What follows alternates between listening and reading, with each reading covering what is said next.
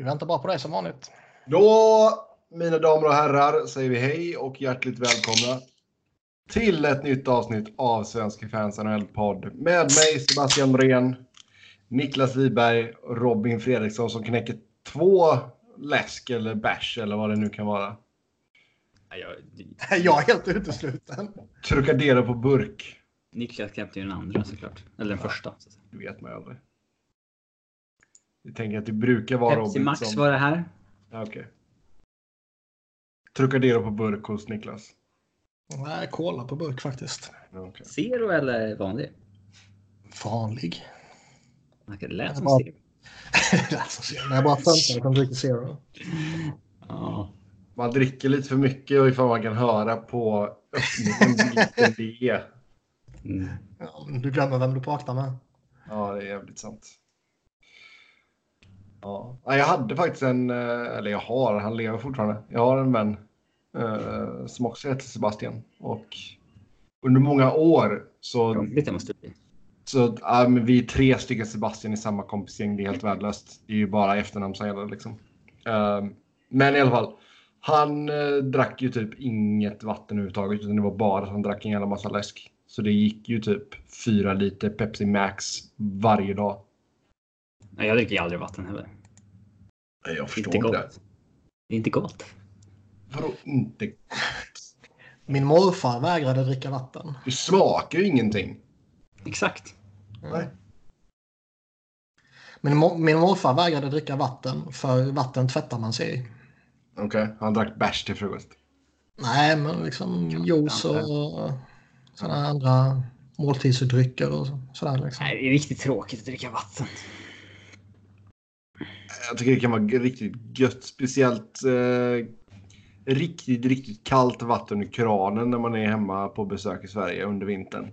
Det är fint. Om det är ditt stora nöje med att komma hem till Sverige så gör du många saker fel. Det är, det är fan riktigt nice alltså. Eh, vattnet här går ju inte att dricka ur kranen utan det måste fi- filtreras först. Det är helt sjukt att det är så 2019 i ett land som USA. USA är ett jävla u-land på typ 70 000 sätt. Alltså vi kan ju Ja. alltså, vi kan alltså bara filtrera vårt kranvatten och så är det lugnt. Det är ju inte som i Flint, Michigan liksom. Där de, det måste tas in köpevatten. Ja, för fan. Ja, men alltså. Alla first world countries borde ju kunna ha vatten i kran. Ja, ja, absolut. Det, jag vet inte vilka andra länder det är. Alltså man har ju... Får ju tänka tillbaka. Alltså, drack man vatten ur kranen? Nej, i Grekland gjorde man inte det. Spanien jag kommer inte ihåg. Det Man kanske har blivit lärd att man inte får göra det någonstans utanför landets gränser typ. Nej. Man är på en pub i Danmark så nej, jag dricker inte. Ja, man, man vet aldrig vad det kan vara där. Yes, vi ska inte snacka om vatten utan vi ska snacka om vad som har hänt i världens bästa hockeyliga.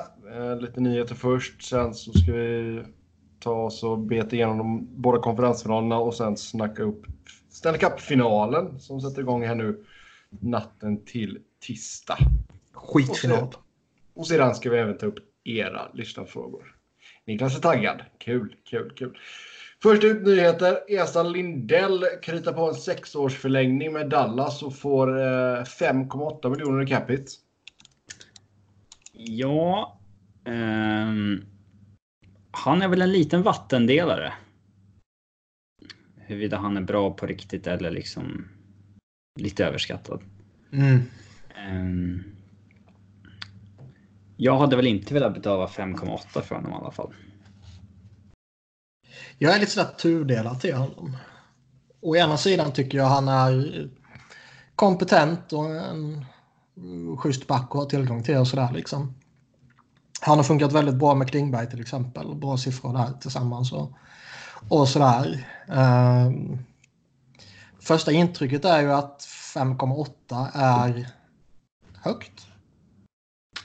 Men samtidigt så får man väl också konstatera att det som som vi alltid brukar säga att det som vi är vana vid att är lite högt är ju numera inte lika högt med tanke på att lönetaket ökar. Mm, det är 7% av lönetaket. Det är kanske så man får börja liksom räkna mera, alltså, mera ofta så att säga. Ja, exakt. Eh, Tittar man runt på lite comparables så är det typ Seth Jones, men det är väl kanske snarare Seth Jones som har ett superkontrakt. Ja, han breakade.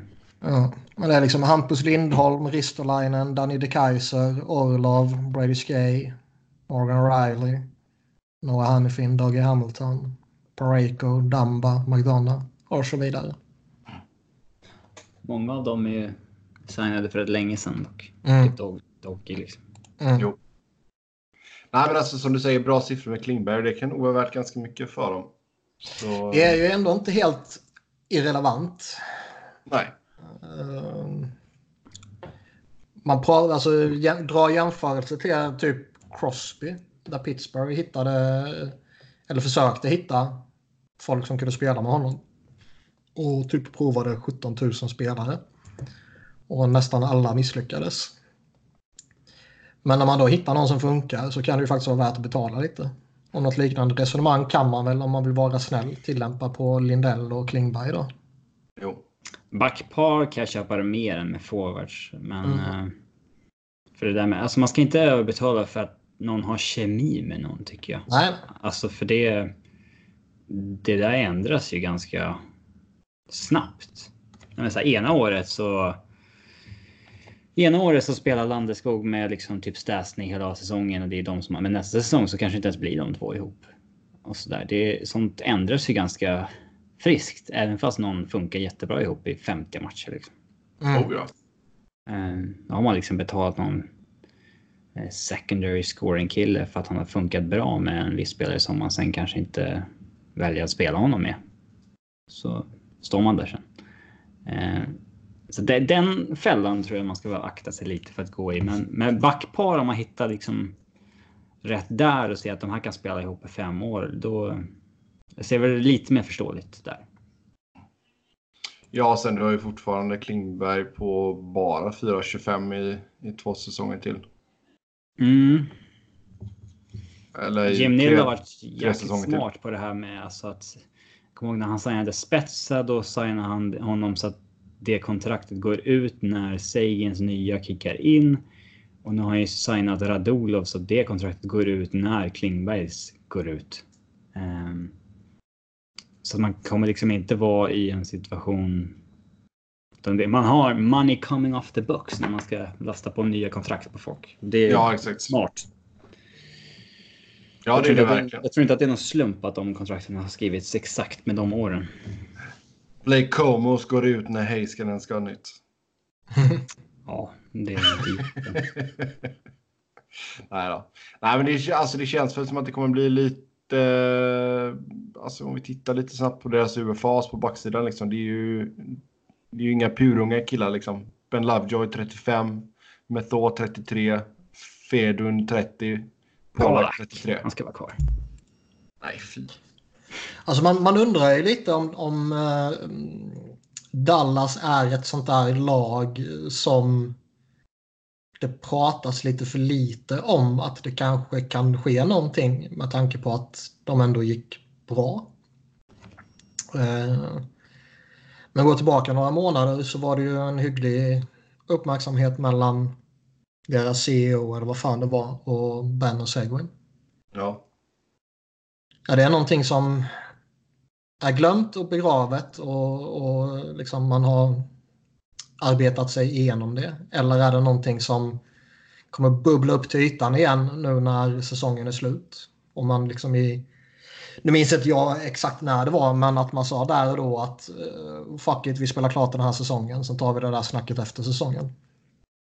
Alltså jag, jag tror inte att det kommer hända någonting där. Alltså, båda två sitter på no movement-klausuler, långa kontrakt. Ja, Jag men tror- de kanske jag- de som vill bort. Nej, jag tror inte de kommer tvingas bort. Det tror jag inte. Nej, men jag sa att de kanske vill bort, eller en av dem kanske vill bort och säger Jag liksom, säger- nej, jag vill inte spela och, med dig. och så säger jag det att jag tror inte att de kommer tvingas bort. Du säger något annat. Ja, Va? Han säger att spelarna kanske vill bort. Ja, det är spelarna jag pratar om också. Du säger de kommer inte tvingas bort. De kommer inte tvinga sig själva bort. Tvinga Okej. bort sig själva. Det betyder något annat. Ja. ja. Så man, man, man undrar om något kan ske. Nu tappar de lite lön där när Jason Spezza kommer försvinna och eh, någon, någon annan back och lite sånt här. Eh, Ja. Det känns väl att sannolikheten för att de signar Miro Heiskanen nu borde väl ändå vara... Nej, förlåt. Jag tänker fel. Nästa sommar är det han ska Nästa sommar. Ja, exakt. Men då, eh, ja, det borde de ju försöka lösa så fort som möjligt ändå.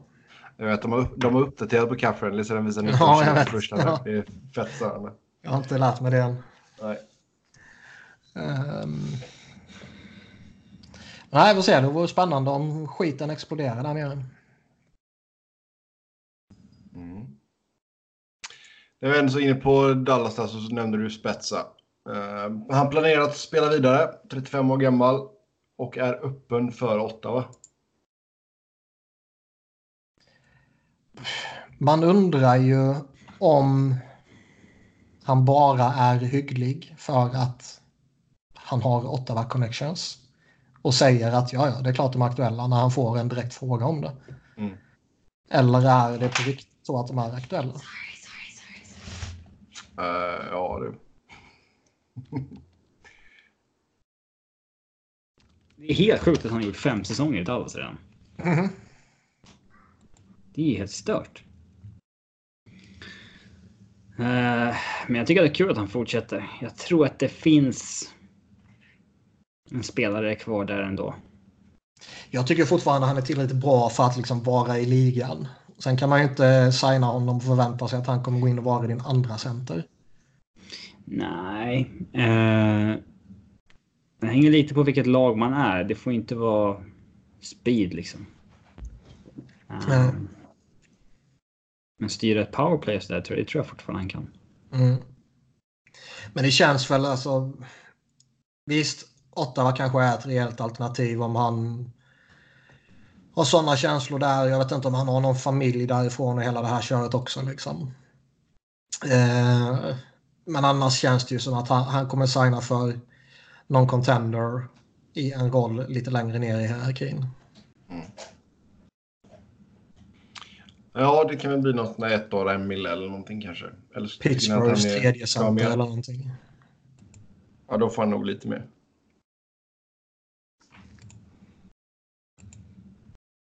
Mm.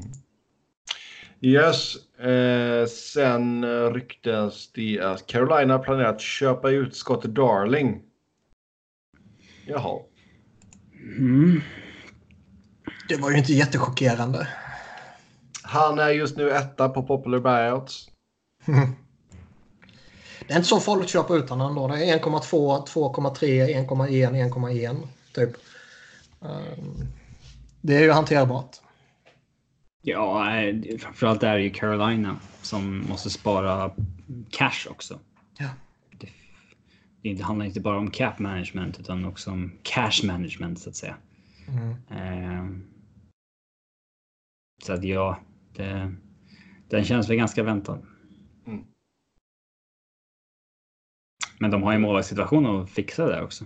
Det är Oh ja. bara att skicka honom utan båda har utgående, båda UFAs och man satsar inte liksom vidare på McElhaney. Mrazek bör ju ha spelat till sig ett kontrakt där. Ja, men det handlar om vad han vill ha för cash. Jo, givetvis. Visst, det var intressant att se vad... För det känns ju som att målvaktsmarknaden skrivs ju om varje sommar. Mm. Det blir intressant att se vad, vad den hamnar på nu så att säga. Men det, kän, det känns ju lite konstigt när han kommer in dit och han faktiskt gör den succén han gör. Och man inte löser det. Jo, men du tror inte man kan vara lite rädd att man, man vill inte åka på en ny Darling-situation liksom? Jo, men någon jävla målvakt Han har ju presterat ha. hos dem.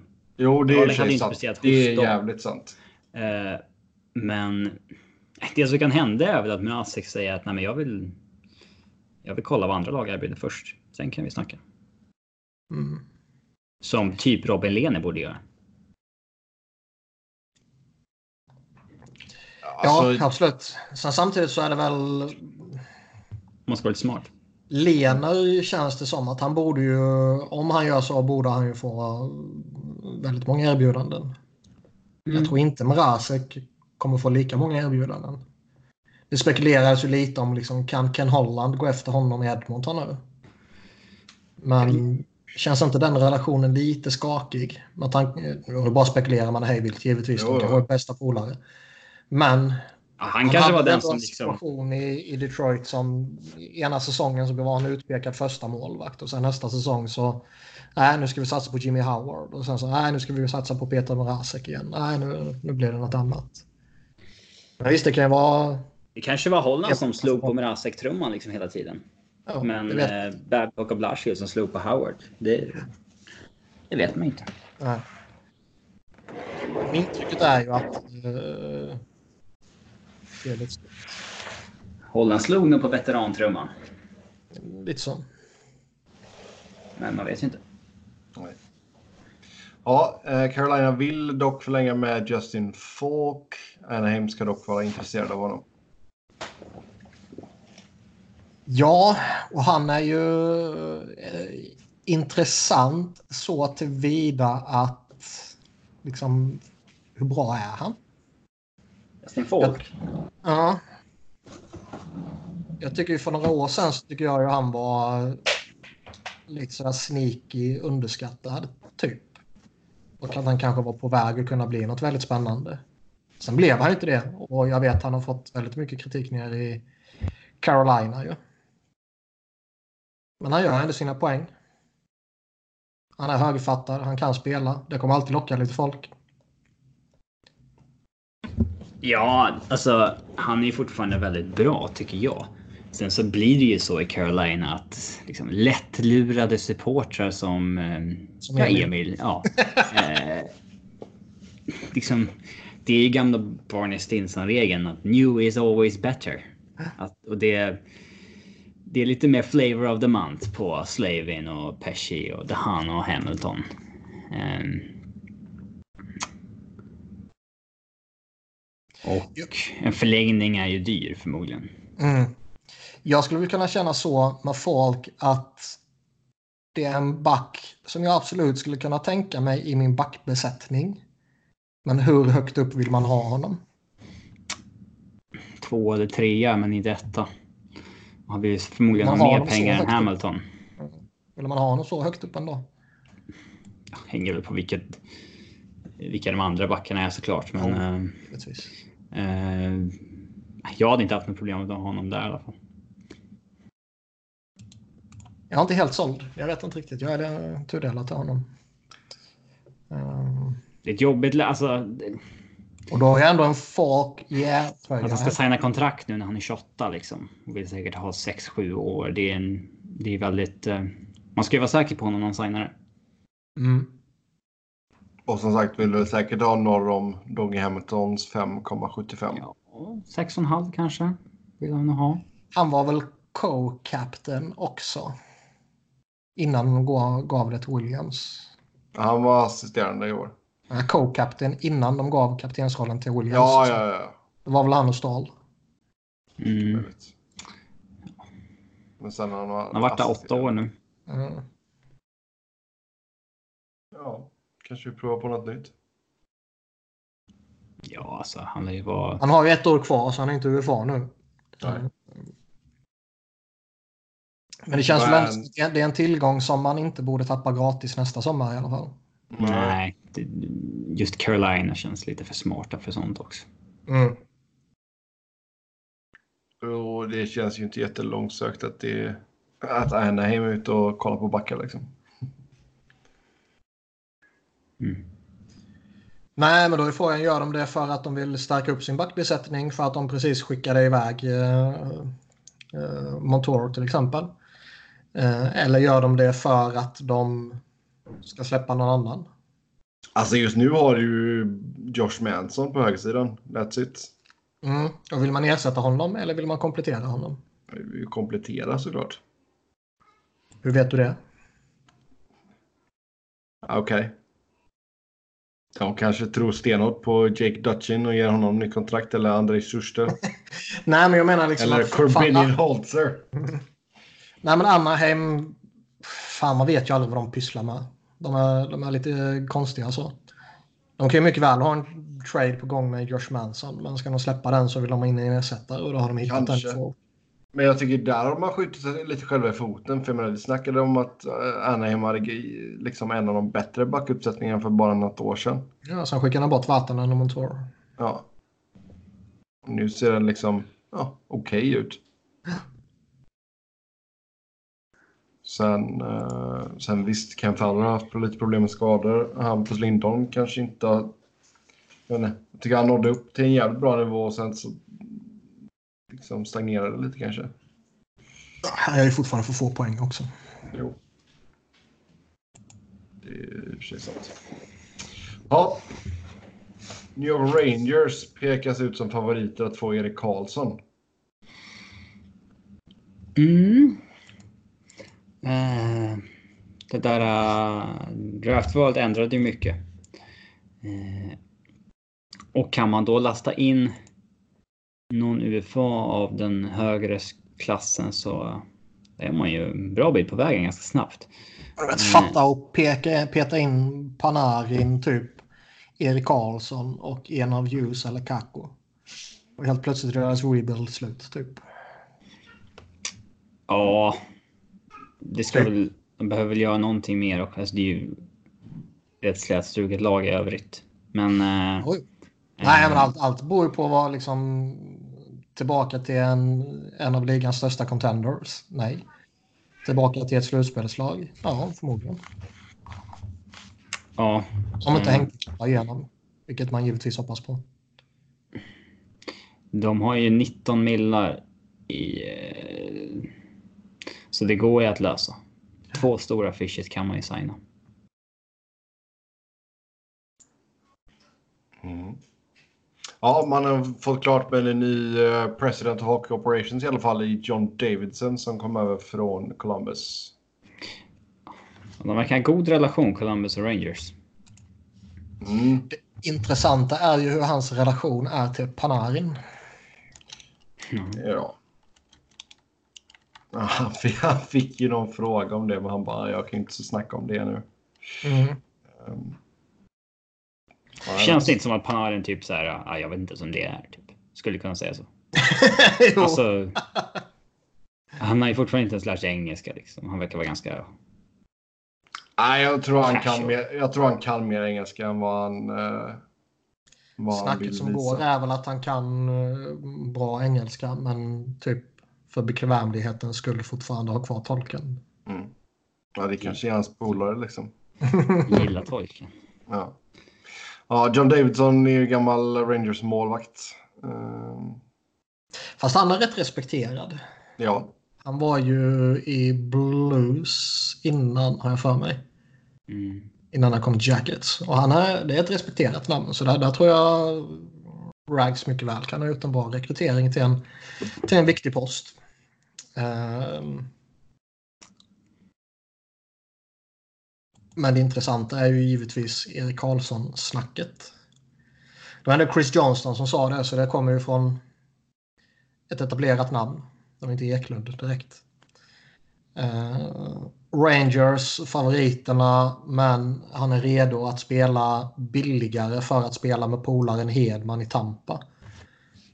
Men det skulle Oj. innebära att Tampa behöver skäffla ut massa jävla lön och det gör man kanske inte på en natt. Och därför skulle Erik Karlsson eventuellt vara redo att vänta ut vad som sker där. Jag tänker om Erik Karlsson du vet, signar först typ 17 juli. Ja. För att han väntar på att Tampa ska, ska skicka ut Callahan och Tyler Johnson och, och någon till liksom, för att kunna lösa den där skiten. Eh, och sen helt plötsligt så lyckas de inte lösa det. Nej. Får han skriva på ett ettårskontrakt i Ottawa? Exakt. Um... Ja. Det vore fan vad obehagligt om, man, om Rangers bara på en sommar får ordning på skiten igen. Jag skulle så... säga att det var ganska obehagligt fall Tampa landade honom också. Äh, en Tampa har man liksom inga... Eh, Rangers vill man ju se misslyckas kopiöst. Man vill ju se Henke krascha fullkomligt. Tampa är ju ändå... De är genuint roliga att titta på. Sen visst, det skulle ju bli någon jävla... Vad säger att inte Rangers skulle bli roliga att titta på det? Det är Rangers. Ja, men... Okej. Vissa lag kommer inte vara roligt att titta på hur bra och underhållande de än spelar. Som Robin och Minnesota. är ett sånt till exempel. De kan spela jätteunderhållande hockey men det är inte roligt att titta på. För det är fucking jävla Pittsburgh. Jaha. Men som sagt, där skulle man behöva trolla lite för att få in honom. Så, Alltså, just New York, Manhattan kommer ju alltid locka. Och Ja. När det kommer till FA-marknaden. Det är så, så är det ju. Det har vi sett flera, flera gånger. Eh, även om Rangers är dåliga så kommer de vara en av de mest attraktiva eh, marknaderna. Oh ja. Så, eh, kan absolut se dem landa en big fisk i sommar, kanske två. En big fisk. A big fish, så att säga. Ja. Jo, jag gillar att du körde big fisk. Hopp. Eh, Ivan Delegin. Eh, sugen på NHL? Jag tycker han är lite intressant så här. Alltså, han kommer inte gå in och frälsa något lag. Men... eh, Han är inte, visst, han är 27 år och, och liksom etablerad veteran, men han är inte gammal på det sättet. Och eh, jag tycker han har varit en väldigt gedigen spelare i, i väldigt många år här i Europa. Eh, Det är ingen poäng- poängproducent. Nej, jag tänkte säga det. Däremot gör han ju väldigt få poäng. Ehm, han har väl haft något VM där han har pissat in några mål så här jag för mig. Men för några år sedan. Men det är ju ändå... Alltså... Det är sådana här spelare som man borde försöka fynda på Europamarknaden. Som kan gå in och, och bidra i typ din bottom six på, på ett vad man får anta inte är ett jättedyrt kontrakt. Nu kanske han Ja. kräver ett jättedyrt kontrakt för han kanske har varit jättevälbetald i KHL. Eh, Det känns ju som en sån här rollspelare som absolut skulle kunna ha ett jättefint kontrakt i KHL. Han har ändå en, en gedigen landslagskarriär med sig. Liksom. Men eh, tittar man bara på någon form av motsvarighet i, i NHL så borde han inte bli dyr. Nej. man petar in han då så är väl det perfekt. Mm. Eh, Winnipeg ska ha NHL-rättigheterna enligt EP. De har rättigheterna fram till, den, eh, fram till sommaren. Mm. Så han är UFA nu. Eller första juli rättare sagt. Gick eh, i fjärde rundan 2010 valdes som spelare nummer 101 av Atlanta. Mm. Det är därför Winnipeg har rättigheterna. Ja, Winnipeg var i Atlanta innan Sebbe. jo. Det vet vi. Det vet ju inte Sebbe, eftersom vi hade inte börjat den här podden då. Nej, exakt. exakt. Jag bara vak- vaknade upp en dag och sa nu ska vi, nu ska vi spela in podd och ska vi börja kolla på hockey. Eh, men visst, som sagt som Niklas säger, eh, potentiellt Europa-fynd. Det är alltid kul när de provar på tycker jag. Ändå. Hellre det än att... sån här ryss som misslyckas fullkomligt igen. Kanske. Han är ändå så över och spelat juniorhockey i Nordamerika så... Alltså han är inte helt främmande till spelet här borta. Nej, men det var några år sedan. Jo, det är det. Yes. Eh, du, ska vi se vad har vi mer här. David Tippett ska vara favorit att bli nästa coach i Edmonton. Todd Nelson verkar inte aktuell. Och sen, vad var det pappa Bob sa? Eh, Han sa väl att eh, de är oense om pengarna. den eller det alternativet.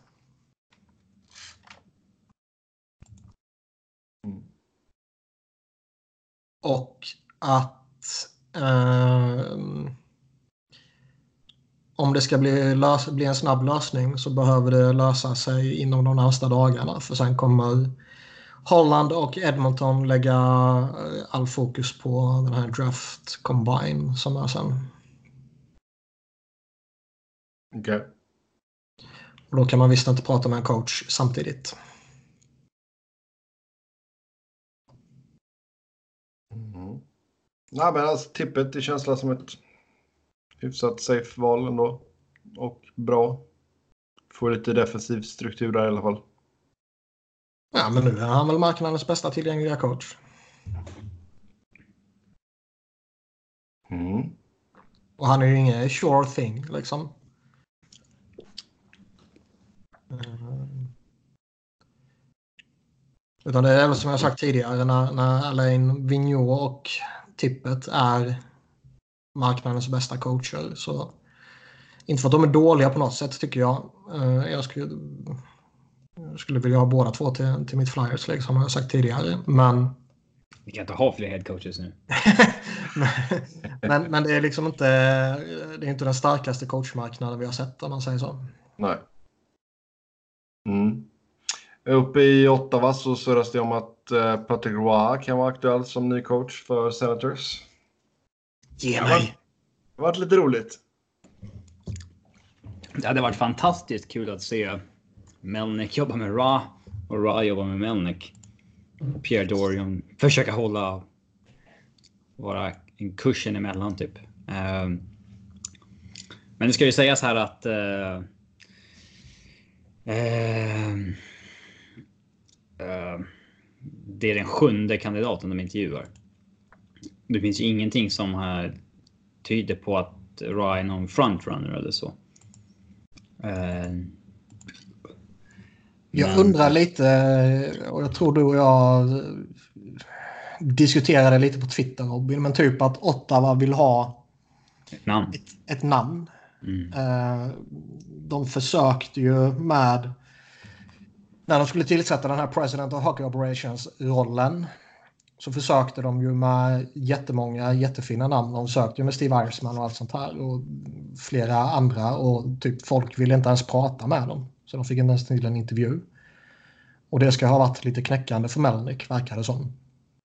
Eh, han verkar inte ha den bästa verklighetsuppfattningen. Men då undrar man ju liksom, är Patrick Roy en chans för honom att liksom kunna stoltsera med att titta här, vi fick in ett, ett stort namn. Även om inte Patrick Roy är Han har inte gjort ett namn som bästa coach. direkt. Nej, men han är ändå ett namn. Mm. Så kan det nog eh, absolut vara. Men eh, ja, alltså, som utomstående det hade det varit jävligt kul att se.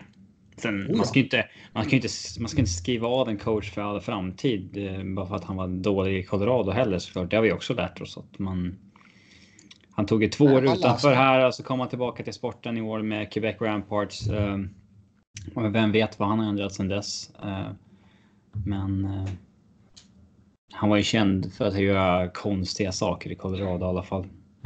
Det finns en tydlig eh, korrelation med att han lämnade eller inte längre fick influens över hockey decision. Det var ju sommaren 2016 där inför katastrofsäsongen som Äv slutade lägga pengar på free marknaden på skit och liksom man istället började plocka eh, ja, men så här, eh, vad säger man, reclamation project som man hoppades skulle kunna bli något. till Brandon Gormley, Eric Jelena, liksom lite smarta värvningar så. Eh, och medan man bytte bort skitbackarna som han hade blivit kär i, typ Nick Holden.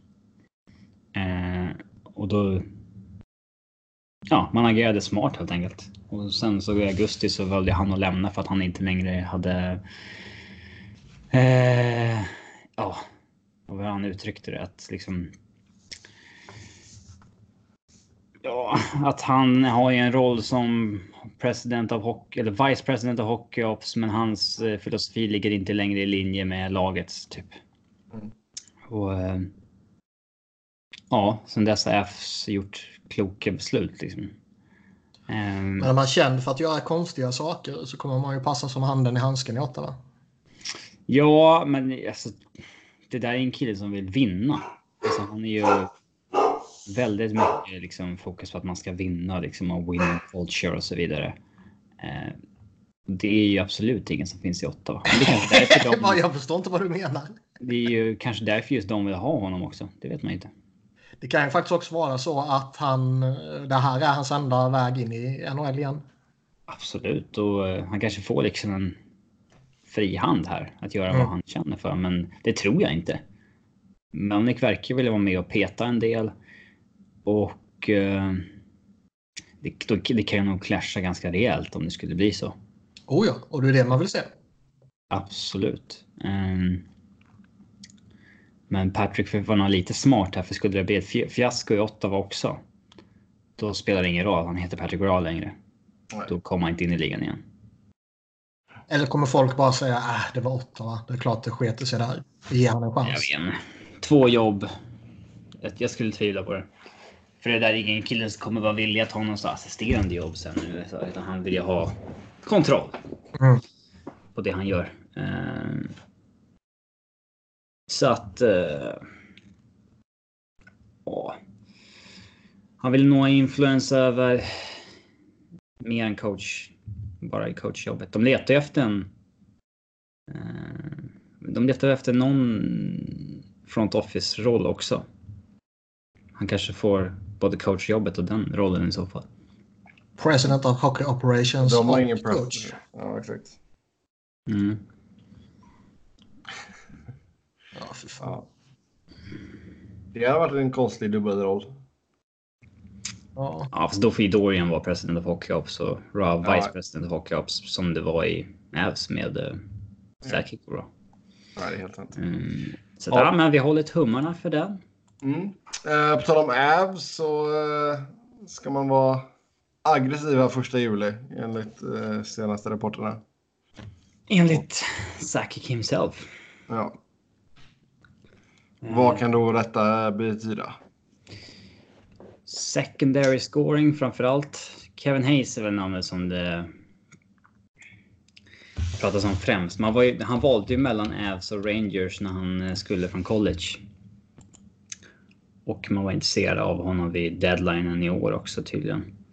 Ehm, men det ser ut att bli eh, i sommar då som man svingar för honom. Ehm, och det känns ganska naturligt som liksom nya andra center eller, eller så.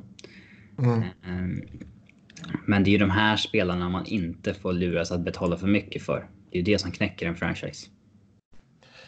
Samtidigt så är det de här spelarna man typ måste betala för mycket för för att få. Ja. Med vissa undantag givetvis. Mm. Nej, det, det handlar om att ju verkligen göra rätt här. Liksom. Mm. Eh, signar man två såna här spelare på dålig kontrakt då, eh, då är man riktigt handfängslad sen. Eh, men Kevin Hayes känns som ett ganska naturligt val. Och sen så eh, säger ju Adrian Dater också att han expects att Avs kommer göra ett offer till Panarin också. Men eh, jag vet inte. Alltså, Det borde ju 30 lag göra i ligan. ja, men det är väl få som kan lägga upp ett seriöst offer. Men Absolut. eh, det ska alltså. Om Florida lägger 9 så måste Avs lägga 11 för att det ska bli samma pengar. Liksom. Och Florida lägger väl kanske 10,5. Mm. Så det, det känns ganska eh, osannolikt. Det sägs att han vill leva alltså vid liksom havet också. Eh, alltså en kuststad. Liksom. Eh, Jag vet var- vad havet är. eh, så att liksom antingen Tampa, Florida, liksom. Philly. Ja. Allt utom Columbus och Avs egentligen.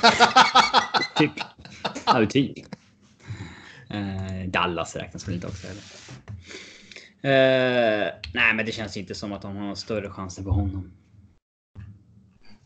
Mm. Men eh, Joe Sakic har inte sagt tidigare år att man ska vara aggressiva. Utan det är här är första gången han säger det. Men han är också noga med att påpeka att Cronky kommer- har pengar att spendera efter att ha plockat ut pengar från Arsenal. mm, ja, det är planen. Eh, nej, men det, han, sa också, han var noga med att påpeka att man kommer liksom inte ta in vad som helst utan att det ska vara.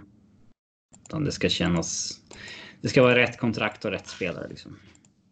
Det ska inte vara så att man liksom går till plan C och överbetalar för att få in någonting. Jag tror dock att det kan finnas en rätt stor eh, risk att Kevin Hayes kommer få ett saftigt kontrakt. Jag tror han kommer vara väldigt eftersökt. Alltså, jag hoppas ju att han skulle typ signa... Drömmen vore ju såklart fyra år eftersom det är fyra år McKinnon har kvar på sitt fyndkontrakt. Mm. Men det känns ganska optimistiskt. Och då får man ju ge honom mycket pengar ju. Ja, eh, det skulle man ju kunna göra i så fall. I och med att om man skriver så att det går ut när eh, McKinnon ska ut så att säga. Mm. Eh, för det är väl ungefär vid den tidpunkten man vill dumpa en 31-årig Kevin Hayes också. Mm. Men känslan är väl att det kommer krävas 5-6 år. Jag kan, alltså, han, han skulle säkert kunna signa fyra år typ i Rangers igen. Men vill Avs ha honom så måste man nog på fem eller sex år och snackar väl fem och en halv, sex mille kanske. Eh, det är ju liksom inte... Det är ju de pengarna nu för tiden. Mm. Så att... Ja. eh, mm. Men jag, jag, jag, jag... Med tanke på hypen som är kring Avs nu och liksom... Jag tror ändå att de har en större dragningskraft än på länge. De borde kunna landa något eh, hyggligt namn. Kommer Sen- spela bakom den här superkedjan. Du får inte spela med dem, men du får spela med massa annat skit. Men du kan titta på dem när de spelar från första paket. De spelar inte så ofta ihop. Vet. Och det där, det, där, det där ändras ju. Ja, som- vet. som vi sa får om man, det där får man inte kemi riktigt andra center liksom. så det är klart man kan splitta på de tre. Liksom. Ja, det kan absolut bli så, så att det blir Rantanen Hayes och Landeskog McKinnon som är liksom paren man, Mm. man kör på i så fall.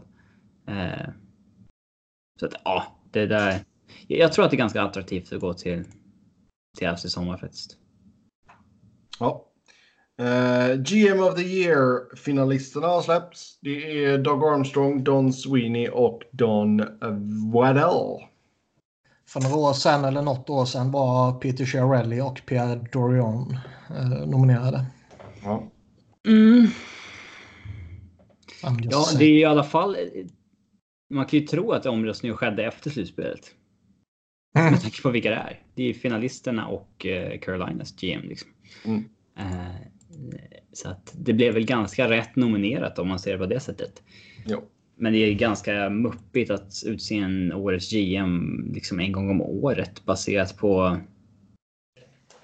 Ja, inte fan vet jag. Alltså, Det är ju trades och free agent signingar man baserar på. ja, och det... Det, det kan man inte utvärdera ett år in på deras kontrakt liksom. Eh, Nej. så jag tycker att det är konstigt och Armstrong är ju typ nominerad för att laget gick dåligt i början och har vänt på det. Eh, men Sweeney kan man ju se lite så här. Ja, han gjorde några sluga trades där som faktiskt har fallit väldigt väl ut. Ja, alla hans, och eh, Johansson och så här. alla hans deadline moves har ju gått väldigt bra. Ja. Eh, och han har ju från en lite skakig inledning i Boston verkligen liksom eh, skärpt till sig. Alltså han har inte gjort så mycket Ja, sen dess. fan vad tråkigt. Han gav ju hopp om att vara helt underbar. Ja, det är väl bra kaos i början. Absolut. Ja, exakt. Eh, han har bara gjort typ en 10-15 trades i, i Boston. Eh, det är inte så mycket alls. Mm. han började med att skicka Hamilton. Men det kan man också säga med fast i hand. Han fick ett första och två andra. Och då trodde man att Hamilton kanske var på väg att vara liksom en konstant Norris-kandidat. Mm. Eh, på väg upp där. Så har det väl inte riktigt blivit. Eh, han Det var ju först- mer snacket som gick runt omkring honom varför man tradar honom och lite sådana där grejer. Och sen, Ja, men det verkar ju flera organisationer tycka också så att då blir man lite fundersam. men alla GMs är dumma i huvudet. Alla coacher i alla fall. Alla Mm. GMs också i varierande grad. Somliga mer än andra. Det beslutet att skicka Milan Lucic var ju väldigt eh, rätt liksom. Mm. Eh, men sen så vart det ju konstigt den sommaren då i och med att man lastade in. Man fick tre första rundsval och man liksom tog ganska konstiga val. Eh, tyckte man ju även där och då. Det var inte bara så att det är lätt att säga det i efterhand utan det var ju konstigt då. Mm. Eh, och det är liksom en av de tre som har blivit någonting. Det är Jake DeBrusk och det är liksom en... Det är ingen first liner. Eh, så att där... eh, Ja, men det var ju Han kanske lärde sig bara- av sina misstag. Han är så Det var ju pass... viktigt att bara bli av med Lucic och eh, så. Mm. Sen gjorde man ju såklart en dålig trade när man skickade Riley Smith och tog in Jimmy Hayes. Men eh, några sådana dåliga trades sker ju såklart då och då. Jo. Och betala för Zach Rinaldo. Ja, små grejer i och för sig. Jo, jo, men det ska ändå hånas för. Ja. Men överlag, eh, han har gjort det, gjort det bra. Han har gjort det sjukt mycket bättre än vad man trodde efter inledningen. Ja, ja, ja, ja. Eh, verkligen. Eh, Doug Armstrong. Jag kan väl köpa att eh, det liksom. Ibland är ju ibland ska en GM ha cred för att man inte tar ett dåligt beslut.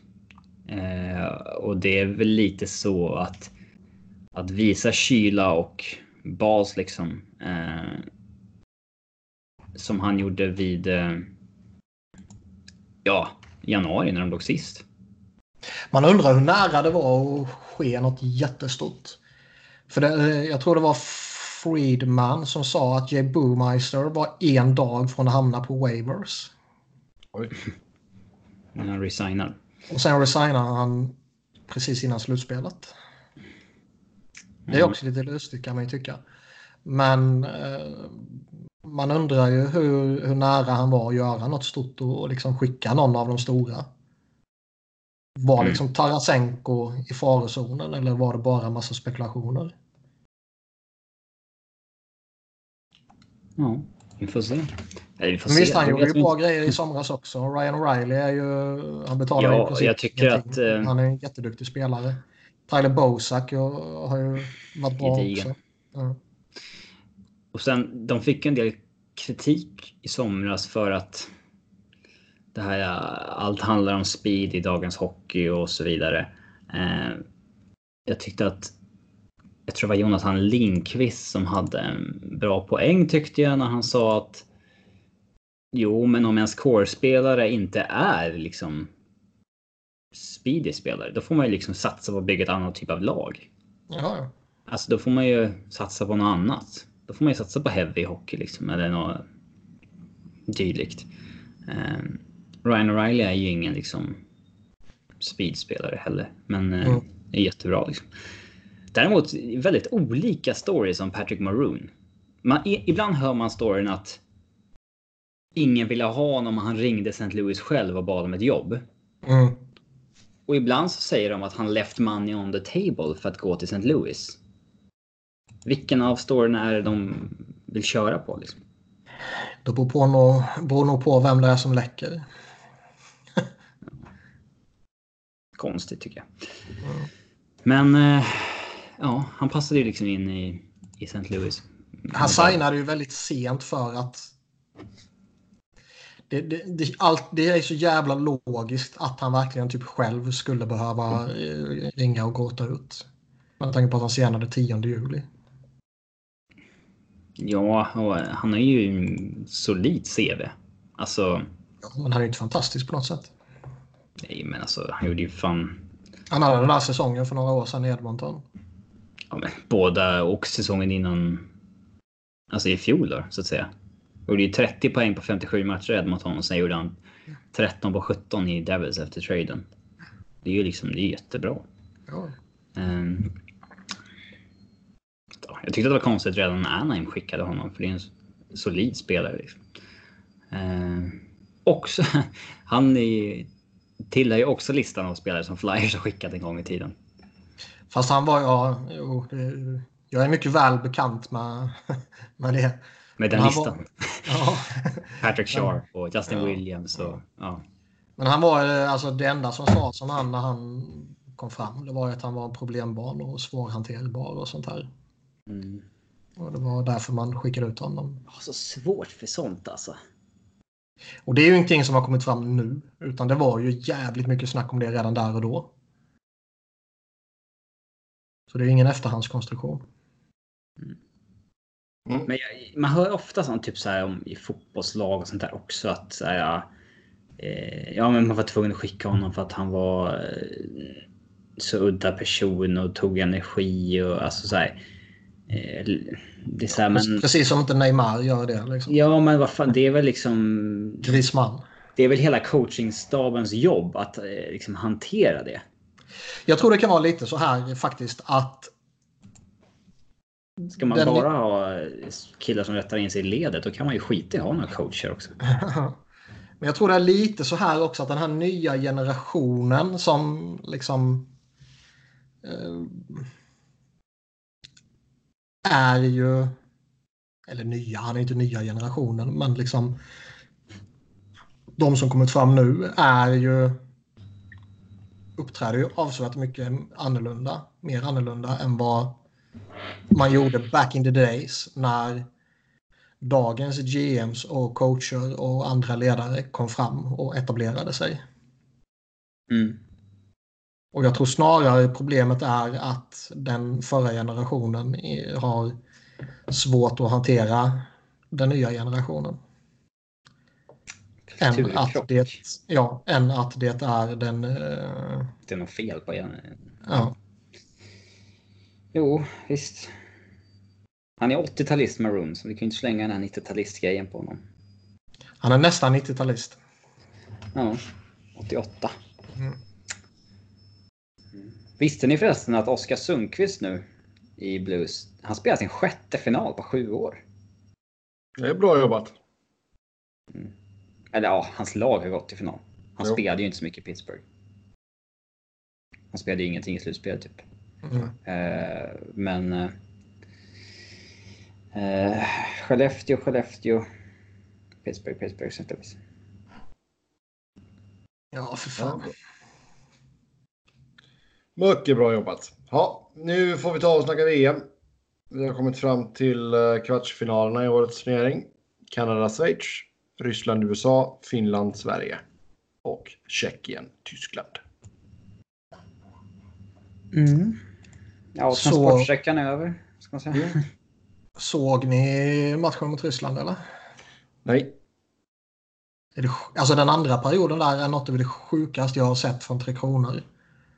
Nu missar man säkert givetvis något uppenbart. Men du vet den, den, typ den senaste kollapsen man bara kan tänka på när det faktiskt kommer till, till trupper som hade riktiga spelare i sig är ju typ Vitrysslandsmatchen.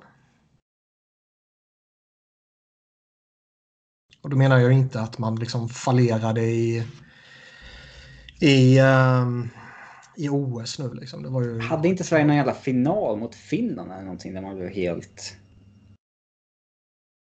Alltså helt överkörda. Eh, jag tror Viktor Fast eh, blev väl stora syndabocken där. Eh, minns inte. Men det som jag sa, man missar säkert något alldeles uppenbart. Men det var, eh, det var ju, vet, göra sex mål på en period och dominera den perioden fullkomligt. Och inte ett enda av målen kommer i ett ryskt powerplay. Det är en sak om du får massa utvisningar och sen hastigt och lustigt gör ryssarna fyra powerplay-mål. Och då är det typ man kan inte ens skylla på domaren. Nej, men då alltså händer det då kan man ju rycka lite på axlarna och konstatera att shit happens. Men eh, nu var det ju verkligen en saftig jävla kollaps. Dåligt målvaktsspel också såklart. Eh, man släpper inte in sex mål på en period på grund av dåligt försvarsspel. Liksom. Eh, eh, överlag över hela matchen så var det väl ganska jämnt i skottstatistik och så vidare. Men allt gick ju in i den perioden. Jag tycker ju ändå att eh, visst första perioden, men då var det lite så här att typ, Ryssland är ju världsmästare på att se ointresserade ut ibland. Mm. Och det var typ en sån period. De verkade inte bry sig och sen så antingen fick de väl utskällning eller så bara bestämde de sig för att nej fan gubbar, nu vinner vi den här matchen den här perioden. Och sen i andra perioden gick de ut och bara förnedrade Sverige. Och sen så när man leder med, med de siffrorna så slår man ju av på takten givetvis. Och Sverige tröstmålar lite men jag tycker ändå att det var liksom det var ju ändå Rysslands match tycker jag i tredje perioden. Mm. Och jag tycker att 4-7 speglar ju inte vilken förnedring det var. Att Går, man, går man tillbaka om några år, om man inte känner till den här matchen Om man bara tittar på ja, Sverige torskar med 7-4 mot Ryssland. Det blev säkert två mål i tom kasse mot slutet. Uh, och så en hedersam förlust. Men så var det ju verkligen inte. Ja. Ja, hur ser ni på uh, Grönborg var inte nöjd. Ja, men den är ju... Ja. Men han är ju arrogant. Man kommer ju inte ifrån det. Men vadå det, alltså. Jag vet inte, alltså är det någonting som... Det känns ju vardagsmat här borta. Ja, man förstår ju. Va? Om han ska uppträda så här, så fort han blir kritiserad så finns det inte en enda jävla NHL-organisation som vill ha honom. Sen är det ju ett problem det här är att de senaste åren har det ju gullats något fruktansvärt med eh, Tre Kronor i allmänhet och, och Grönborg då liksom. Eh, från Viasats håll. För att han har varit anställd eh, där liksom. Det har ju varit eh, extremt ja, det har varit extremt eh, hejarklacksjournalistik från tv-kanalen som har i uppgift att eh, bevaka landslaget. Liksom. Det tycker jag ju inte riktigt att det ska vara. Nej. Men det blir, alltså det är, man förstår att det kan bli så. Men det är ju... Ja, men inte, äh, liksom, ä, ä, även om man nu råkar gå och vinna två raka guld så var ju i allt definitivt inte frid och fröjd och perfekt och allt var jävligt bra hela tiden. Men det var ju mm. bara klapp på axeln och kramar. Liksom. Och han kanske helt plötsligt så förväntar han sig att det är så mediebevakning ska gå till över det här folkkära laget. Liksom. Och sen hastigt och lustigt så är det någonting som går emot och helt plötsligt så blir det en diskussion och någon kritik kanske och eh, helt plötsligt bara så briserar skiten liksom. Och det var ju inte, alltså Lehmann bara upprepar ju någonting som han själv sa för tio sekunder sedan och han bara nej det sa jag inte. Och sen så skämmer han ut sig fullkomligt. Det är ju direkt patetiskt agerat. Ja, där, där, eh, där fick han inte mycket bonuspeng hemma i sofforna tror jag. Nej. Nej. Men samtidigt så var han ju redan uppbrusad när han kom dit. Ja, ja, ja. Vad har det med saken att göra? Alltså han skulle lika väl kunna säga nej, inget svar, nästa fråga. Nej, inget svar, nästa fråga. Fan, du ser ju hur vissa tränare beter sig i NHL liksom. Kolla, ja, på, det är ju, det är kolla, kolla, kolla på Tortorella när han eh, inte är på humör liksom. Visst, han, kan vara, han har ju gått och blivit störtskön, men han, kan, han har ju fortfarande det här i sig att liksom, fråga, fråga inte ens den frågan, dra åt helvete. Nästa. Men vad är det de kallar sig själv, liksom folkets landslag eller vad fan det är? Och sen har man en förbundskapten som vägrar kommunicera med folket. Det är det ofta spelare och ledare glömmer bort. Att det är liksom inte journalisten där du pratar med utan du pratar ju med folket som tittar. Alltså ja. det är de som undrar.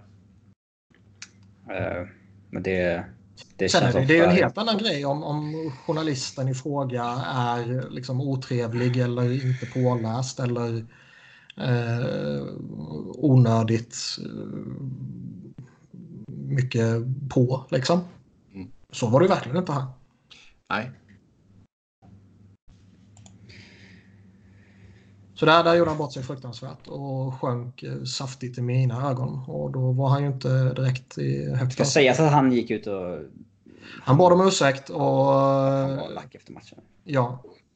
Men även om du är förbannad, även om du blivit förnedrad, även om allting gick fel så måste du fan kunna vara professionell om du är förbundskapten för ett av världens eh, största och bästa hockeylag. Ja. Där skämde han ut sig och Tre Kronor fruktansvärt anser jag. Hur långt efter matchen var det? Var det direkt efter? Nej, Tio minuter efter. Att han har väl... Uh, ja, jag vet inte. Ja, men alltså, matchen, alltså... matchen tar ju slut och det, det är väl något liksom sådär och uh, han gör väl kanske någonting, säger kanske någonting, jag vet inte, och sen går han upp i studion. Så det, det är Ja. liksom någonstans mellan 10-15 minuter känns det som, om det ens är så länge. Ja.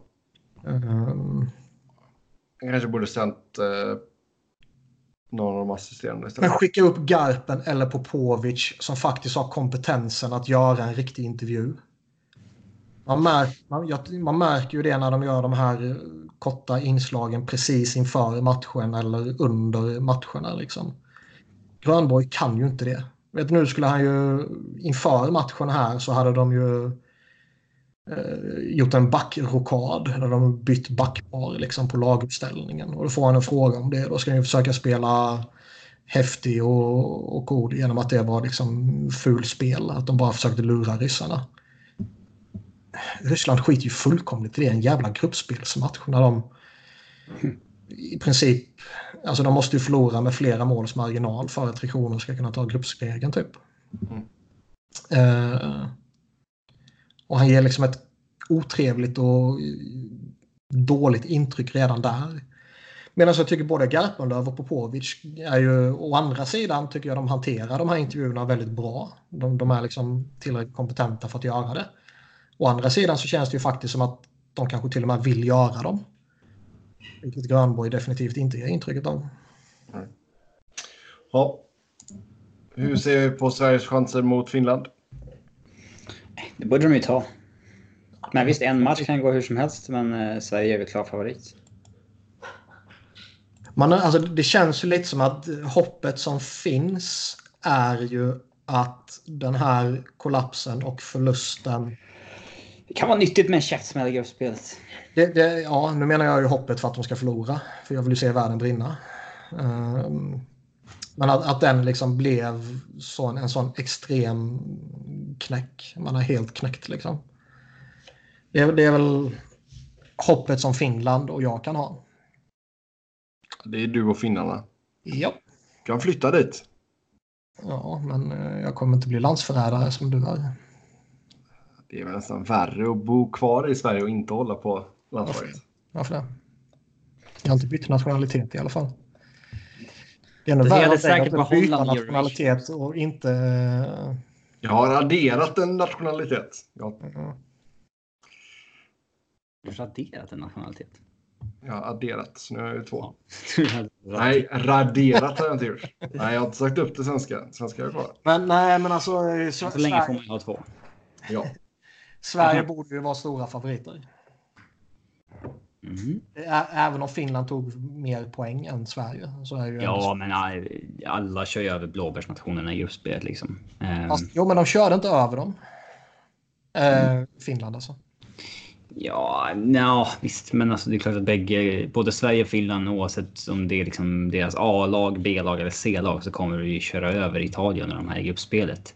Jo. Eh, Så det är svårt att lägga så mycket värde i vad som händer i gruppspelet. Man får kolla på laguppställningarna liksom. Mm. Och det är klart att Sverige ska ta det där nio gånger av tio. Mm. Ja. Men en match Ja, kan gå. eh, En match kan ju gå hur som helst. Mm. Lundqvist i mål är bekräftat i alla fall. Lite, om vi tittar på eh, Det övriga... vore skoj om Henke klappar igenom fullkomligt i kvarten och svenska Men folket får se att han är slut. Tvek. Mm, exakt. Tvek. Ehm, lite charmigt ändå att Storbritannien klarar sig kvar.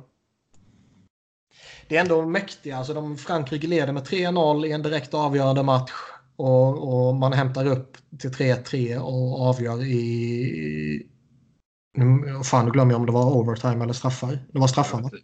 Övertid. Övertid. Övertid. Eh, det är fan coolt alltså. Frankrike är ett lag som man skiter fullkomligt i. Jag skiter ju givetvis i Storbritannien också. Men eh, det är ändå lite skoj att de säkrar det. Och får, Frankrike kan åka sin jävla jojo, jag bryr mig inte. Ja. Yes. Vill du säga något om de andra kvartsfinalerna? Nej. Ryssland och USA är ju jävligt tittvärd och gött att den inte är samtidigt som Sverige. Tittvärd alltså. Vi säger inte sevärd längre utan tittvärd. Tittvärd. Mm. Ja. Men, den, nej, men den ska bli jätterolig. Tjeckien tror jag är jävligt luriga. Jag, jag tror de, eh, de har sett bra ut alltså. De borde ju ta Tyskland såklart och sen i semi och eventuellt eh, final. Jag, de kan bli jobbiga tror jag. Alltså. Mm. Men det är guldet är i Ryssland som förlorar. Ja. Om inte de vinner så är det ju ett jättefiasko. ja. Det har varit passande för Kutjerov som var ett jättefiasko i slutspelet här. Oj. Fick in den också. Yes, vi går vidare. Konferensfinalerna. Eh, vi snackade ju om Boston och Carolina i förra avsnittet. Boston svepte ju där fyra raka matcher. Nu står det klart att man får ta sig an St. Louis efter att Blues besegrat Sharks med 4-2 i matcher. Jag vet att båda ni tycker att det är väldigt tråkigt. Ja, jag ser, jag ser väl ingenting som jag tycker är kul med att St. Louis spelar en final direkt. Eh, Det var Eller ett Boston. tag sedan. eller Boston för den Unnar, delen. unnar du inte folket i St. Louis detta? Nej. Nej. Eh, så att nej, det, det, blir, det var en rätt trist final tycker jag. Eh, det är väl två lag genom åren som har spelat ganska liknande hockey. Eh, liksom heavy och sådär. David Backes får möta sin gamla klubb i final.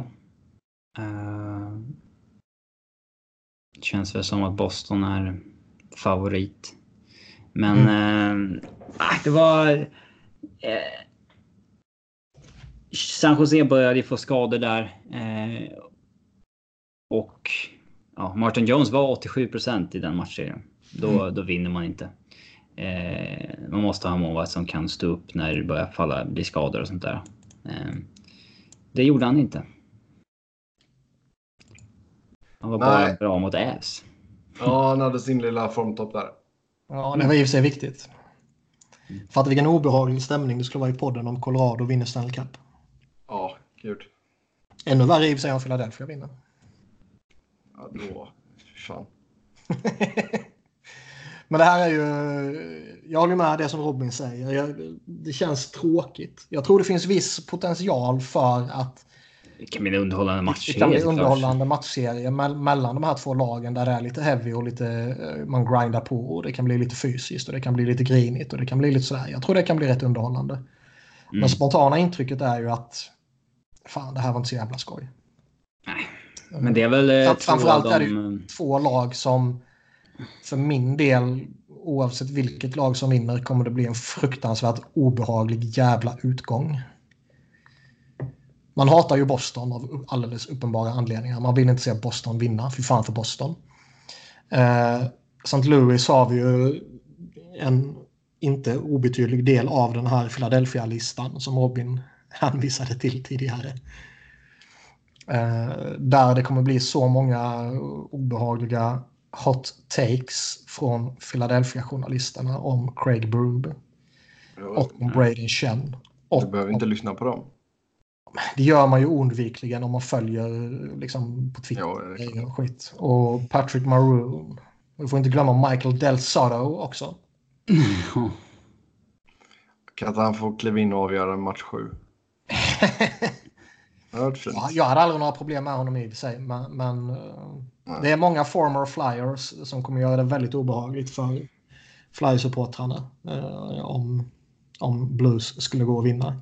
Mm. Det skulle vara... För han, han, var ju, han kan ju mycket väl vara en sån där coach som, som har lärt sig av sina misstag. Och han hade ju ett klart sämre lag att jobba med i Flyers också givetvis när han var där. Men han gjorde konstiga grejer, han sa konstiga grejer, han var genuint skitdålig.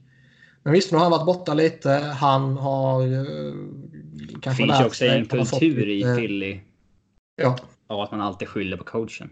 Jo, men fan han var ju... Vi har ju inte haft bra coacher mot slutet. Eh, Ja, det, ni har bestämt er för det. Ja. Nej, det vet du. Eh, och han har förmodligen har han väl lärt sig och så har han anpassat sig och så har han hamnat i en bättre miljö. eh, bättre spelare. Bättre lag. Eh, men ja, fan det vore så obehagligt. Det är nästan, och det är så jävla smutsigt att säga det här, men det är nästan så jag hoppas att Boston ska vinna. Det gör liksom ingenting om de får en till cup. Nej, Eh, det, alltså det enda som är jobbigt med Boston det är ju liksom det är egentligen Brad Marchand. Alltså Ja, plus hela jävla Boston. eh, Att de vinner hela tiden i alla jävla idrotter. Inte för att jag följer de andra idrotterna, men Brännboll och sånt där. ja. Eh, eh, nej, men alltså det, det vore... Det är så här, jag känner inte något särskilt oavsett vilka som vinner det här egentligen. Det, Nej. Eh, Blues det är inte första, så att hat åt något håll egentligen. Blues första finalen sedan 1970. Så 49 långa år och man har fortfarande inte vunnit en cup. Så Det eh, är också ur Philadelphia synpunkt så eh, det här är ett av lagen som har gått längre tid utan att vinna ja, okej. än Flyers. Och eh, ju färre sådana lag det blir desto jobbigare. Var det Flyers man mötte 70 eller? Vad sa du? Var det Flyers man mötte 1970? Nej, Nej, Flyers man 71-72 eller? nej, 74-75. Ja, jag har för mig att liksom, det var någonting med St. Louis. De kanske inte gick och vann, men det var väl de som slog ut Philly på ett sätt som gjorde att man bestämde sig för att gå in i Broad Street Bullies-kostymen. Va? Man blev, eh, exakt, det var någon eh, matchserie, jag minns inte när det eh, var. Men det måste ju varit där början det var 70. någon- Kanske någon- de gick till final någon- 70. Ja. Ja, absolut. Men det var någonstans där innan de gick in i Street Bullies-åren. Och så var det just Blues som trasade sönder dem i en matchserie. Och då bestämde sig Snyder för Never Again. Mm. Så det är helt korrekt. Men jag vet inte. Eh, men liksom vinner Boston. Jag kan, jag kan känna en viss... Eh, rätt coolt att köra få en till cup liksom. Eh, Absolut. Det finns Eh, många spelare i, i Boston som liksom man har ju en... tjänar framgång. Liksom. man eh, gillar ju Patrice Bergeron väldigt mycket. Och, eh, men ja, Pasternak är häftig. man har svårt för, liksom förtjänar väl någonting. man har ju svårt för Brad. Marchand och Jocke Nordström liksom. Eh, Men Varför har du svar, svårt för Jocke Nordström? Jag kan förstå att du har svårt för Marchand, men vad har Jocke gjort? Han är svensk. han har spelat eh, fyra säsonger i allmänna idrottsklubben. Jaha, okej, okej, okej. Då är jag med. Man är sån här, förtjänar inte spela i NHL. Alltså, ja men typ. Han, spe- han var ju del av den generationen som när, när lagen bara hade två år på sig att signa den de hade draftat.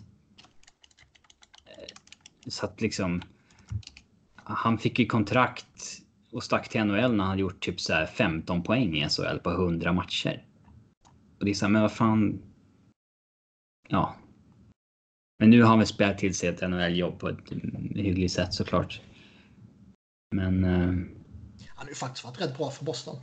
ja, han har varit genuint skitbra för dem i slutspel tycker jag. Eh, så, så är det.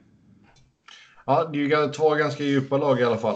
eh, Som har alla kedjor i bra form. Så det är intressant att se. Tarasenko har ju kommit igång lite här för St. Louis. Så det är... Mm. Det är nog viktigt. Jag tror att ska Blues eh, kunna... Jag, jag anser att Boston är inte överjävliga favoriter, men ändå Men liksom... favoriter, absolut. Men vi gör så här. Vi gör så här. Vi pratar om San Jose först. Vad de ska hitta på här. Och sen går vi in på att snacka upp finalen här. Eh, Sharks sitter ju i en ganska jobbig sits just nu. Man gick ju för att vinna i år. Ja. Så inget förstahundsval i år, inget förstahundsval nästa år. Ehm, och nu har du... Får ta ett djupt andetag här, för det är många i UFAs. Jonas Donskoj, Michael Healy, Joe Pavelski, Joe Thornton, Gustav Nyqvist. Erik Karlsson, Tim Hed. Alla UFAs. Och sen har du... eh, ett, Du säger- alltså Michael Haley men inte... men inte... Ja, du körde inga RFAs alls. Ja, och sen tänkte jag säga, och så har man en handfull RFAs också. Eh, Kevin LeBanc, Timo Meyer, Dylan Gambrell och Joakim Ryan. Meyer bör ju få betalt. Han är ju faktiskt genuint skitbra. Ja, verkligen. Um, Don ska ju vill de ju säkra kvar också. Ja, det- Känns det, känns det inte som att han... Jag, jag tror Kevin LeBlanc tror jag fan kan bli lite sådär sneaky dyr också. Kille som gör mål liksom. Ja. Det, det kostar. Känns kanske som att Donskoj kan bli någon de kanske får offra. Han kanske, han Kanske kanske det. själv vill gå ut på marknaden för att... Men den här idén om att de ska kunna behålla. Erik Karlsson, det måste vi kunna scrappa helt. Det går ju inte. Inte utan typ att Joe Thornton absolut inte kommer tillbaka eller kommer tillbaka och spelar på typ En superbil. mille. Samtidigt som man lyckas skeppa ut någon lönekostnad. Nyqvist också känns väl ganska utslutet. Ja. Om de inte Jo. får ett nej från Thornton och Karlsson så är det så, ja men då kan vi unna oss och... ja. Jo. Och sen är Det frågan vad som verkar, var... verkar väl som att de ska göra ett, ett, typ ett sista försök med Karlsson. Egentligen är det ju viktigare att behålla Karlsson än Thornton. Jo, det är... Så på ett alltså, år. Jo. Alltså frågan är om... Men alltså fan kan du inte få honom att köpa ett år på en mille liksom? Bara säga du är 40. Det beror nog på lite tror jag. Jag pissar med honom i Lite- ansiktet lite. Men det beror på lite. Alltså, få, alltså lyckas man snacka om kull Erik Karlsson och få han till att vara redo att signa och sen gå till Thornton och säga nu jävlar ska vi gå för det ett år till. Men om vi ska kunna gå för det ett år till så behöver vi att du spelar billigt. Kan du tänka dig att göra det? Det är väl kanske inte riktigt att pissa i ansiktet på honom. Nej, då får man ha det snacket innan de slänger kontraktet på bordet. Ja. Så att man inte bara postar kontraktet när han sitter där på sin lawnmower. Det dyker upp liksom. Eh, eh, Nej, det är sant. Nej, men alltså det... Och sen, Zelensky det, kommer ju, han kommer ju inte lämna. Nej, men alltså, Okej. där, där ska man väl ändå försöka hålla ner Tormund så mycket man bara kan. För jag menar, han har ju varit sneaky gammal ganska länge nu och fyller väl 35, ja, fyller 35 innan nästa säsong sätter igång. Mm. ja, det blir plus 35 kontrakt. Ja. Så du kanske ska försöka hålla det på till två år kanske? Ja, Två, vad fan, det är nog svårt alltså. Alltså de, de lyckas ju signa Joe Thornton på treårskontrakt i olika sjok och sen nu mot slutet två ettårskontrakt. Det kanske inte är omöjligt att, att signa, eller eh, vad säger man? Att, Ja. att, att sälja in det till. Pavelski också. Alltså, tre två år hade honom? inte varit något så farligt kanske. Alltså han är fortfarande varit jävligt effektiv. Alltså om jag var Pavelski och de sa okej, om vi signar två år, vad vill du ha då? Hade jag sagt åtta och en halv typ. Mm. Ja. Om jag, vill, om jag får fyra år, då hade vi kunnat signa för 6,75 kanske. Men han känns ju som en som mycket väl kan ta en hometown discount. Jo. Så är det väl. Men signa han liksom och sen ska Meyer och, eller Meyer och Labanc ha nya kontrakt. Och hastigt och lustigt så är det fan rätt många miljoner man har spenderat. Och då var det uppe i, vad blir det, 10 forwards och sex backar och två målvakter. Och du har 24 miljoner i dagsläget. Kanske tradar någon eh, Melke Karlsson eller kanske Sörensen som han ju signade till och med. Mm. För att kunna ha råd med någon lite effektivare forward. Men det skulle inte förvåna mig om typ Donskoj hamnar på marknaden och, och liksom... Ja, någon bra måste de ju offra. Ja, Mm. Ja, det är men mycket det, ja, att. Men det är, känns ju svårt. Ja. Och Nyqvist blir svårt också. Jag tror Nyqvist kan, han kan nog få ett rätt vettigt kontrakt faktiskt. Jag tycker han var bra sen, sen traden. Ja, oh ja. Det var han. Han var bra innan traden också i och för sig. Men, men, Jo, jo. Men han fick ju chansen att visa upp det lite bättre i Sharks än Toronto liksom. Detroit.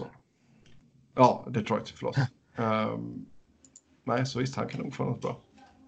Men det, de är ju det är alltså... Även om det här var året de skulle vinna. Så är de ju fortfarande en utmanare nästa år. Ja, de kan väl dra en eh, Washington kanske. Men eh, Ja, Det är man ju skeptisk till så länge de har kvar Martin jo, Jones. och jag tänkte säga det. Martin Nej. Jones är ju den stora akilleshälen här. Men, men liksom om man säger att de tappar Erik Karlsson och de tappar eh, Gustav Nyqvist. Och så tappar de Donskoj, men där kanske de kan hitta någon billigare ersättare som kanske egentligen inte är sämre. Liksom. Pavelski stannar, Thornton stannar och så... Alltså då ska man ju plocka sina poäng i grundserien och vara ett stabilt slutspelslag. Jo. Men Martin Jones, vad fan ska man hitta på här? Då har han alltså fem säsonger Fast han, kvar. han, var, han var ju toksämst i, i ligan under grundserien och ändå tog de sig eh, typ väldigt bekvämt till slutspel. Så den delen tror jag faktiskt inte är... De hade ju utmanat Tampa om han hade varit bra. Ja, Alltså, jag, jag tror inte det är problemet. Problemet är ju när han exponeras jävligt hårt i ett slutspel. Jo. men han har varit bra innan i år, så det kan ju bara varit en skitsäsong. Ja, Han har varit okej innan i år. ja. Dessutom höjt sig lite till slutspelet varje gång också, så att... Um, alltså... Man ska nog sitta lugnt i båten ett tag till. Okidoki. Ja, då tar vi och kliver in på finalen här då. Boston eh, favoriter. Eh, Jag tror eh, inte att vi hann snacka Keynes tidigare. Du Förra, veck förra veckan tror jag det eh, var tre matcher spelade bara. Det kan du nog ha mycket rätt i nu när jag tänker efter. Emil blir så jävla arg på mig om vi inte snackar Ja, Keynes. ja jo, det förstår jag. Ja, Okej. Eller ska vi bara upp att vi inte har gjort det och gå vidare? Har du Justin Williams, Craig McKegg, Michael Furland, Merasek McElhaney. RFA Sebastian Aho, Brock McGinn och eh, Clark Bishop. Will Williams spela ett år till, då löser man väl det. Ja, Sebastian Aho ska ha ordentligt betalt. Jag måste Lång- öppna balkongdörren. Fan Ja, gör så. Där känns det också som att det är en kille som... Om offersheets kan hända så är Carolina en bra organisation att eh, eh, utnyttja. Jo. Men han ska ju alltså, han ska ju ha betalt på riktigt. Det är ju inget, det är ju inget tvivel om att han är en toppspelare nu. Så, Ja. Sebastian Aho, bra på hockey. Hur mycket ska han ha betalt? Är han bra då? Ja, han är mycket bra till och med. Ja, okej då. Det har ju, det, det finns ju någon... ehm, vad fan heter sajten? Evolving Hockey heter den va? Som har tagit fram... Uh, Evolving Wild. Wild är det kanske. Som har tagit fram den här... eh, Projections på vad de kommer få. Baserat på Ja. vad andra har fått efter samma produktion i samma ålder och så vidare. ja, jag tror för mig han låg på typ 10. Okej, nice. Ehm, Det känns ju kanske... det känns mer som att Evolving Wilds projections på toppspelarna är accurate än bottenspelarna. För där är det väldigt... Eh, där verkar det som att alla ska ha bra kontrakt. Alltså mm. Brassard ska ju ha tre år på fyra mille typ. Och det händer ju inte nu. Liksom. Nej. Eh, så där, där verkar det vara mer avgörande liksom. Ja, vad säger man? Den generella uppfattningen av vissa spelare för tillfället bara. Men de projektar, ja, de projektar ju 8 år och 10 komma obetydliga siffror på Sebastian. Samma som för Rantanen ungefär. Projektar. Ja. ja, Ja, men då, då kanske Carolina kommer in med ett offer på 8 gånger 8 liksom. typ. Ja.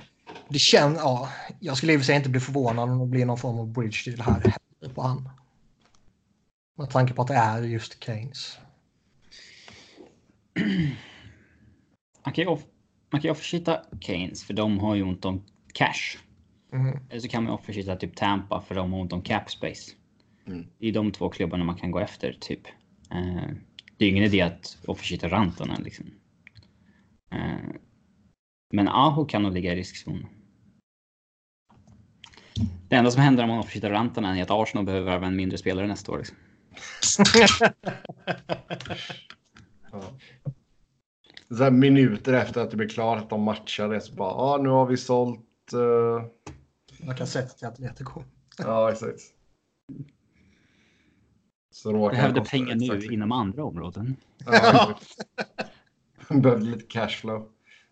Yes. Ja, eh, men, men i alla fall. eh, ja, vill Justin Williams köra ett år till så visst. Absolut, det går väl att Vill lösa. han spela vidare får han ett kontrakt ju. Ja. Uh, Michael Furland känns väl som man kommer tappa va? Ja, det känns lite faktiskt som att de, de borde vara eh, så pass smarta så att de inte slänger de stora pengarna på honom. För det känns som att han kommer kräva och jag tror han kommer erbjudas relativt stora pengar ändå. Så här fem mille på fem år. Så här, ny Beleski typ, alltså så här sådana spelare. Ja, men typ.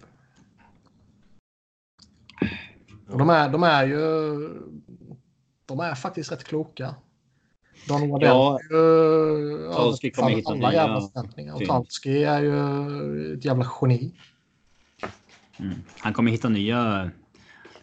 Det är ju det enklaste för en sån snubbe. Att hitta bra spelare för tredje, fjärde kedjorna. Billigt. Ja. Men sen har du väl fortfarande en, lite grejer som kan komma upp eh, underifrån också. Nej, men eh, nästa år kanske Martin Neckas är redo. Mm. Ja, det var trevligt. Jag har tittat lite på honom. Han är underhållande. De har ju några fina både för övriga forwards och backprospects. Eh, Frågan är om Alex Nedeljkovic är en målvakt som man snart kan börja hoppas på. Eller om... Alexis Starla borde spela nu nästa år också. Mm. Vi pratade om målvaktspositioner tidigare så där behöver man inte säga samma saker igen. Men Nej. lek med tanken om de signar med Rasek så borde de väl kanske försöka hitta en annan målvakt. Även om De McElhinney... älskar ju McConaughey dock. Alltså, Jo. Men där behöver man ju vara lite känslokall också. Alltså, du kan ju ge honom ett ettårskontrakt, det är väl inga problem. Han kanske vill ha två år. Ja, då, då säger du tack och hej. Mm. Jag menar, säg att du kan landa med Alltså jag skulle inte bli ett dugg förvånad om de signar honom igen och kör vidare med båda två och båda Nej. två bara kollapsar nästa år. Marasek får ett fyraårskontrakt, fyra gånger fyra eller någonting. Mm. Och eh, McElhinney får ett ettårskontrakt på... Man kan ju verkligen se en En trade 25. framför sig i och med att de måste kanske spara in lite cash också någonstans. Mm. I en Doggy Hamilton-liknande trade då. Den som vi snackade om tidigare. Att mot ett första andrahandsval typ. Mot någon Mm. som behöver plugga igen ett hål på backsidan. Ja. Det finns schyssta museum i Philadelphia. Ska folk också på museum eller vad? Doggy har smittat av sig. Ja. Det finns ju två jävla museum i, i Raleigh och de går man igenom på en halv dag. Liksom. Doggy, han har klippkort där. Ja, men alltså, ja, men du vet, har man sett dem varje dag i en säsong så är man inte så jävla taggad på dem. Då kan man komma till Philadelphia och titta på museerna där. Ja, Ta ett foto med Rocky-statyn så är det klart. Liksom. Jajamän. Det har jag också gjort. Nynnade du på låten medan du sprang upp för trapporna? Du sprang inte upp. Jag sprang inte upp för Nej. några trappor. Man skämmer ju ut sig om man gör det där. Det gör ju folk det hela tiden i och för sig. Ja, men Men jag, jag, jag sprang inte för att jag var rädd att skämma ut mig, för jag skiter fullkomligt i om jag skämmer Om ut någonting ska man göra det liksom nattetid eller så här dagen. När, liksom, göra det på- Som Rocky gjorde det. Liksom. ja, på typ tidig morgon eller vad fan det är. Ja. Gärna typ 10 grader luft. Ja. I exakt samma outfit. Jajamän. Och så ska du precis ha tryckt i dig typ så här ett dussin råa ägg också. Har ni gjort det någon gång? Nej, usch. Fy fan, Man ska det inte måste- göra det va? Alltså det är ju, man visste ju inte det på 70 80-talet att det där är inte så nyttigt. Nej, nej. Eh, man kan det känns som en sån upp, alltså, utmaning man kan åka på någon gång. Liksom. En jävla fylla-utmaning. Ja, nej tack. Kan du dricka ett ägg? Alltså Ett ett, ägg. ett ägg har de väl slunkit ner någon gång, men inte tolv. Ja, det var. Det var, det var inte 12 jag menade, det var ett ägg jag menade. Ja, ja, ja. Ja, ett ägg har väl säkert... eh, Alltså, Fan. ett ägg är väl inga problem. Ja, det skulle jag aldrig göra. mm. Men det hade jag inte gjort här. Här, är ju, här ska du verkligen inte käka råa ägg. Nej, man kan ju få salmonella skit. Ja, ja visst. Fy fan. Men det kan vara gött med en... eh, Inget kranvatten och inga råa ägg. Nej, exakt. Nej, men det är liksom... Det kan man uppskatta en, en, om det är en ordentlig eh, rå gula då på en nice eh, pasta carbonara. Liksom. Det... Ägg är dock äckligt i alla dess former. Ägg är as nice. Nu får du fan ta och ge dig. Stekt ägg är riktigt fint. Stekt ägg är nice. Poached ägg är nice. Skram- Ehm, det är när du väldigt... Okej, så du knäck... Nu ska jag försöka förklara vad ett, fan ett, ett pocherat kanske heter på svenska då. I alla fall. Okej. Du, du kör vatten och så lite vinäger och sen får du upp det till en jättelätt kok. Så släpper du ner, så knäcker du ägget där i. Du ska släppa den på den här lilla fläcken i pannan. Så bara plupp. Och sen så blir det som en Fråga mig inte liten, varför jag vet det här. Men... en liten, eh, ja, vad ska man säga, cocoon. Eh, och sen så är det Det alldeles ska bli som en Egg McMuffin typ. nice. Nej, en egen muffin är ju inte rinnig. Det, poached egg är fortfarande rinnig i mitten. Rinnig gula. Det är Men det ska vara asnice. som en bulle. Ja, alltså det blir det ska ju tillbaka. Det låter jävligt konstigt. Äggform typ. Någonting jag vill beställa dock, bara för att man har hört namnet i så här serier och sånt där mycket, det är Eggs Benedict. Ja, men det är ju med pocherat ägg. Det äter de i Frasier. Det är ju så jävla gött. Det finns en YouTube-kanal som tillagar så här kända rätter från serier. Ja, nice. Typ Rachels eh, tårta där i Friends till Åh. exempel. Meat good. Ja. Exakt. Alltså, och, eh, vi kan ta fram vilket det är som lyssnar. Ja. Ja, men det är bra. Det vill jag också veta. Skicka länk. Eh, nej, men alltså en, en Eggs Benedict är ju kalas nice. Då är det engelsk muffin och sen eh, kan du antingen köra typ skinka eller um, vad heter det, rökt lax. Och sen kör du ett pocherat ägg och sen hollandaisesås på det. Det är riktigt, riktigt fint. Fan, då blir jag hungrig också. Slut. Ja, Jag blir hungrig här nu. Uh, får vi skynda på detta.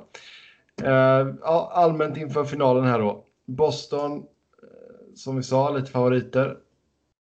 Men eh, det som St. Louis har gjort den här säsongen är ju inte någon som har gjort det tidigare. Man har legat sist i början av januari och sen tagit sig till final.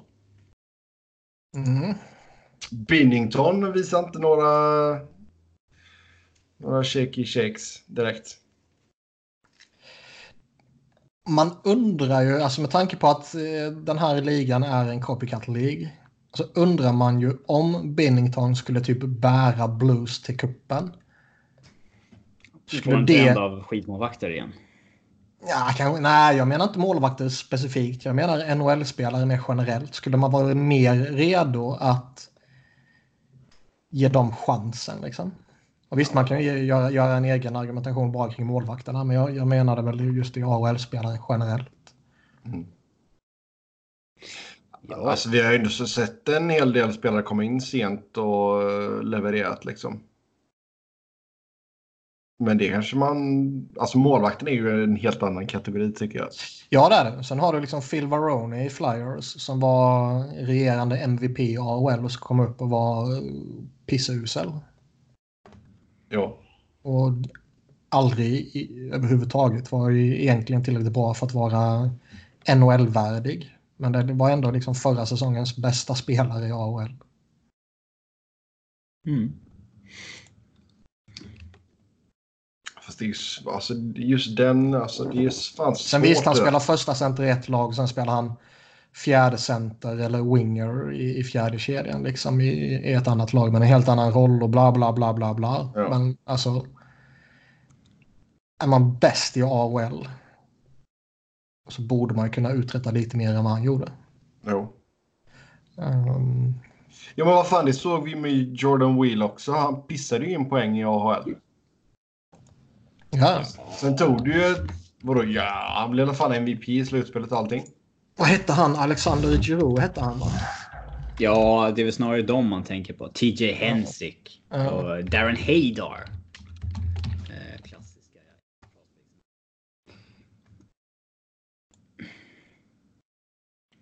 De hamnade i en kategori av så här, de här kommer aldrig att spela i NHL. Även Mhm. fast de är liksom... Det spelar ingen roll vad de gör i AHL längre. Nej, Giroux har jag för, gjorde, för mig gjorde typ nästan goal per game.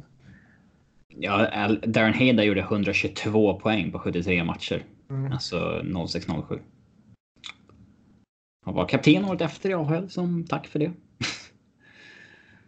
Han Fick en match i Colorado en gång.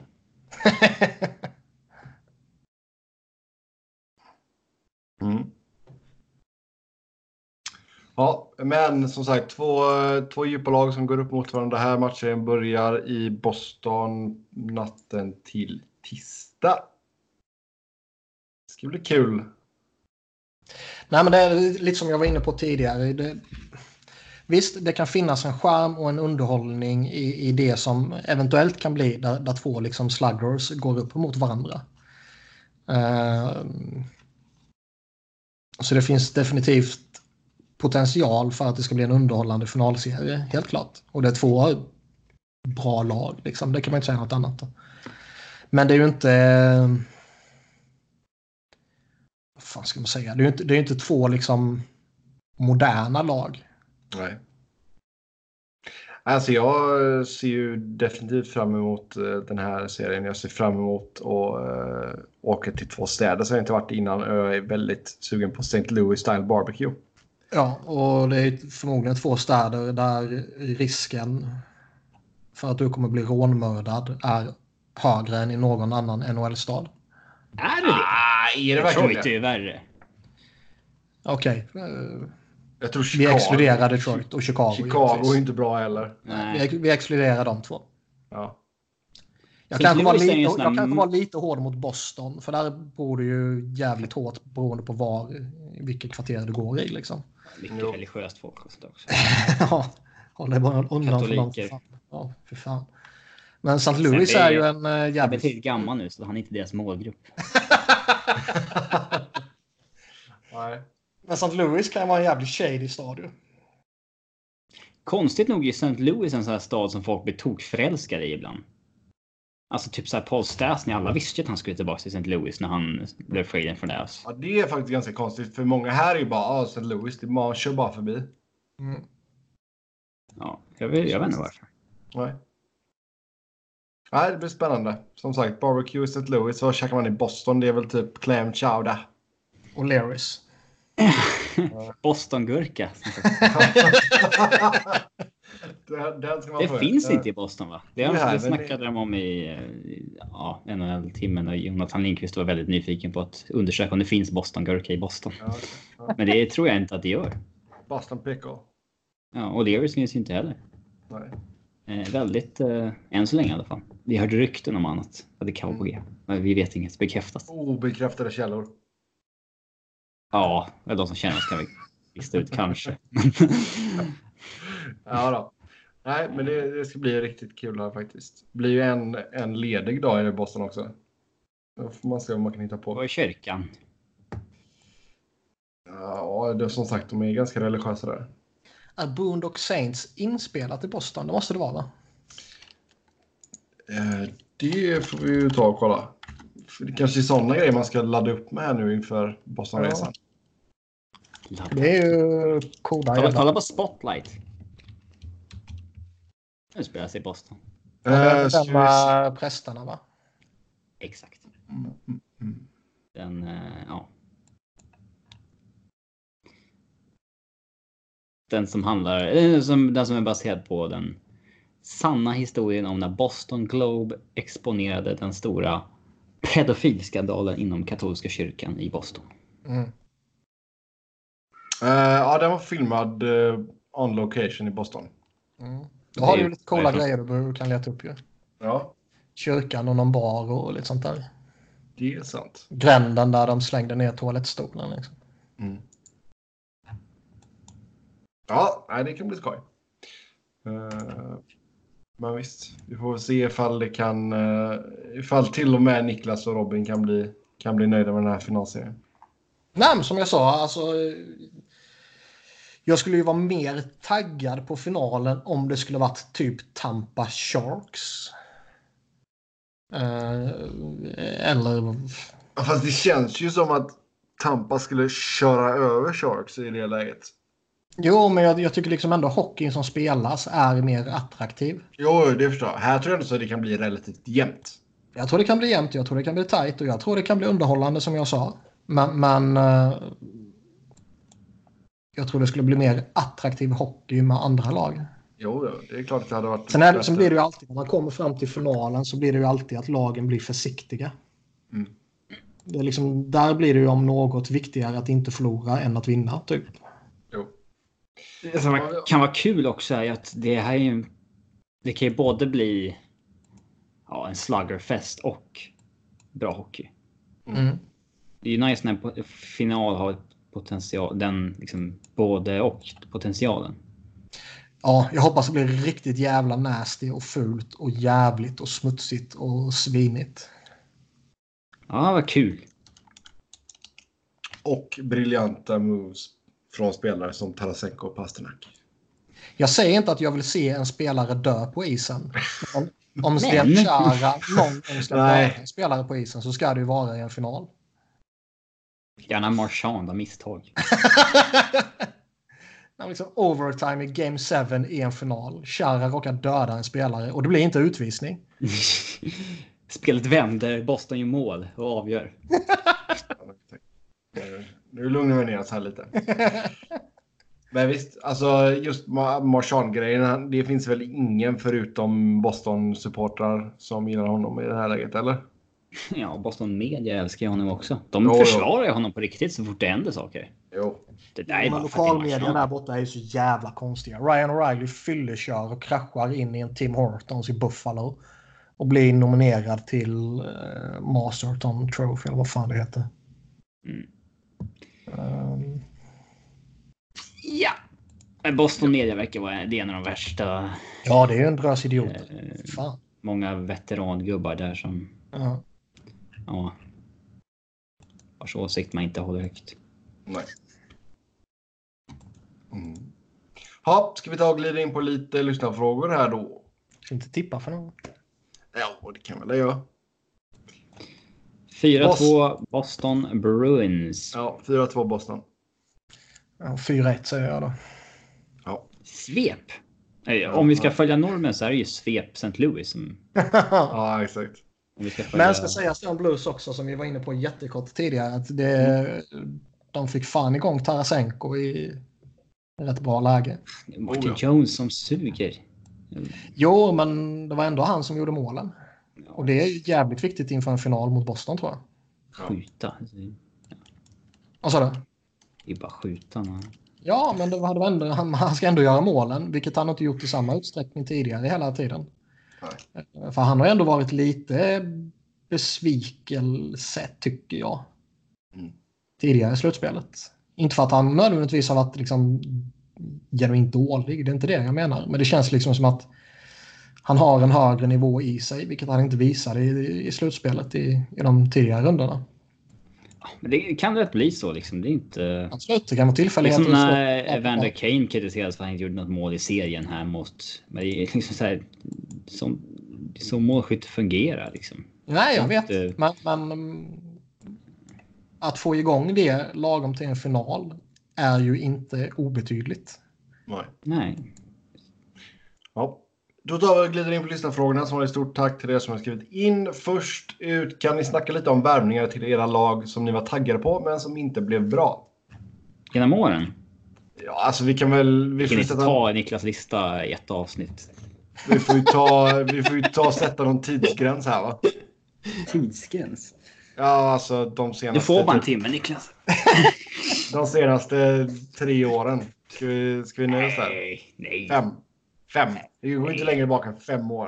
får gå Jo. tillbaka under tiden som vi har supportat laget. Man kan inte gå tillbaka till liksom Flyers på 70-talet. Oh, jag var så taggad på den värvningen och det funkade inte. Nej, men och som du vill säga Foppas får du ju säga det. Och säga hur du kände då. Det- eh, Ja, men vi börjar med han då. Ja. Börja där. Sen har vi bara 273 spelare kvar.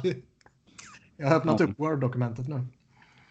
Men, eh, nej, men han var man ju skittaggad på när han kom. Man var lite ledsen för det innebar att Jeremy Ronick skeppades ut. Men eh, Ronick gick ju ner sig lite också. Och jag menar inte att Foppa var dålig när han var i Flyers. Han var givetvis bra. Men eh, man hade ändå hoppats på något mer. Han har ju typ sjukt högt poängsnitt i Philly. Ja, ja. Alltså, jag säger inte att han var dålig. Men, men, Men men- hela organisationen tog ju en wrong turn där liksom. Ja, det var lite kaos där, men man var ändå taggad för man kände ändå liksom fan, vi får en av världens bästa centrar och en sjuk jävla playmaker och eh, gjorde några sjuka grejer i Colorado åren innan och så här liksom. Och, Ja, jag kan intyga att han var bra i Colorado. ja. Men det, nej, han, han var inte dålig, men ändå känns det som att man inte fick ut så mycket som man faktiskt skulle kunnat fått ut. Och då var han ändå över point per game en bra bit. Mm. Men han spelade 60 matcher första säsongen. Och man fick inget slutspel liksom och sådär med honom. Eh, nej. Du, så... Eh, sen var man ju... Man var ju första kedjan och sen ingenting. Mm. Uh, ja, vad är nästa stora namn i Philly? Det finns väl något mellan Foppa och Vinny, kan jag tänka mig. Darian Hatcher. Han får, nu, han får ju orimligt mycket skit. Men det var ju för att han var typ kass första säsongen efter lockouten. Men sen lärde han sig ju. Och blev en, inte bra och ingen superback som han var innan. Men han blev ändå liksom, han kunde göra ett jobb. Uh, men satan vad jag dreglade när de signade honom. Mm. Och då vet jag, jag är högst medveten om var han kom från i Detroit. Men det var ändå Darian Hatcher, liksom mördaren. Mm. Och det gick ju inte riktigt som man hade hoppats. Vinny är väl en annan. Uh, Den är ju förståelig. Alltså för att han köpte sig ut för att hans kontrakt var dåligt. Inte för att han var dålig i Tampa. Mm. Den gången. Uh, och jag tror, jag tror ingen av oss, även om jag förmodligen var mer hypad på honom än vad ni var, eh, så tror jag ingen av oss såg det extrema förfallet skulle komma direkt. Ja, svag säsong 1 liksom. Mm. Han var i princip point per game i Tampa åren innan. Mm. Så att ja, det var ju jävla besvikelse, verkligen. Spelade inte ens kontraktet ut liksom. Mm. Och det var ju fan tur det. ja, absolut.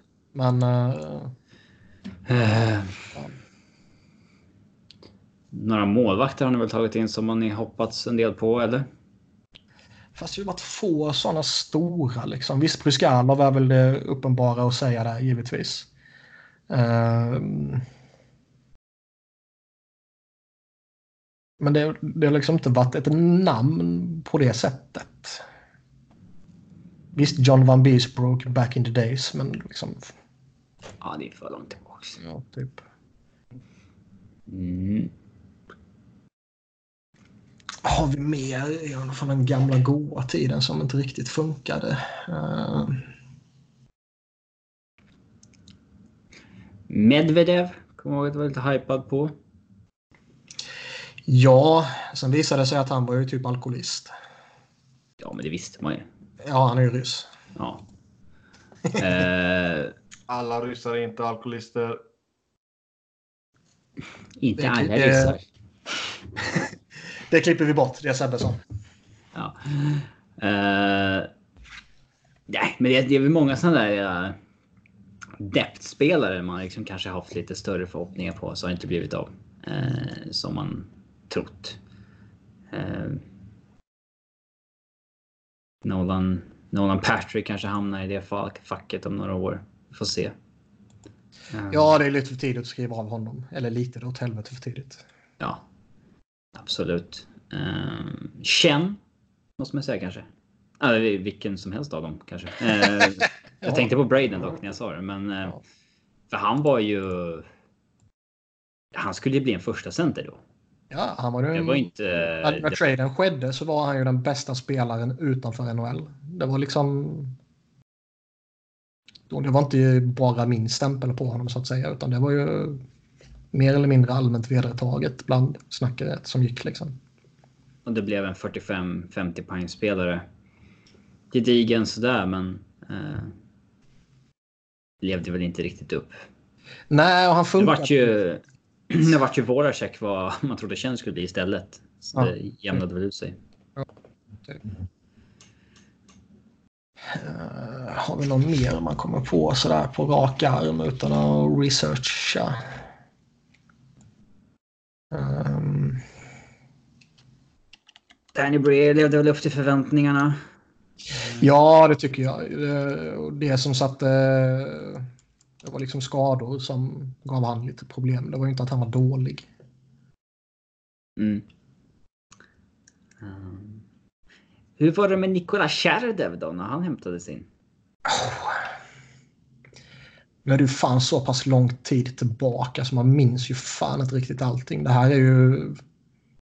Fan, det är ju nästan tio år sedan liksom. Men där var man väl alltså... Han hade gjort otroligt bra liksom, med mål och så vidare i Rangers och eh, så innan. Um. Ja, det var klart att det var lite intressant. Framförallt kändes det liksom Paul Holmgren gå in och bara plocka in en ryss sådär som har en liten stämpel som lite problematisk på sig och som kom från KHL. Det var ju liksom sjukt oväntat. Men jag kommer fan inte ihåg vad jag, vad jag kände där. Mm. Har vi något mer? Nu börjar jag tänka tillbaka rätt många år vad det kan ha funnits liksom när man när man var lite ung och dum. Steve Downey. Återkomsten eller? Nej, första perioden. Jag tycker fortfarande det är så jävla sjukt och patetiskt och skandal att han får den där avstängningen. Uh, han tacklar Hammond eller? Nej, innan han kom in i ligan. Uh, vad fan var det han tacklade?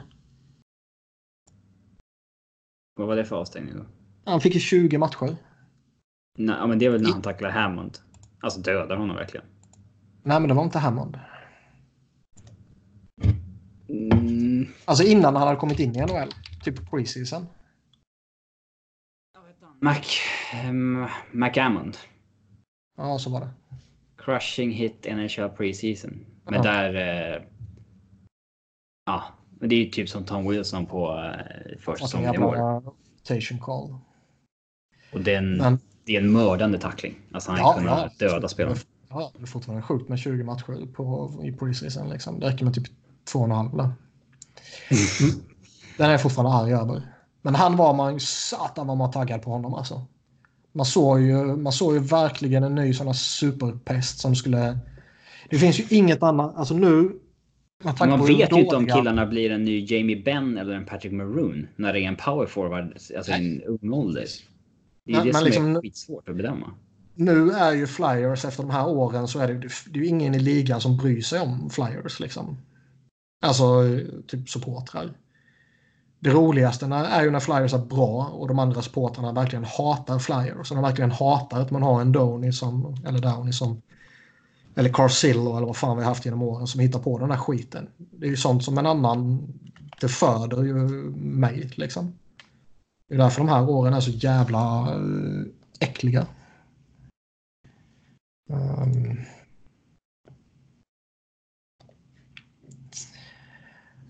har vi någon mer?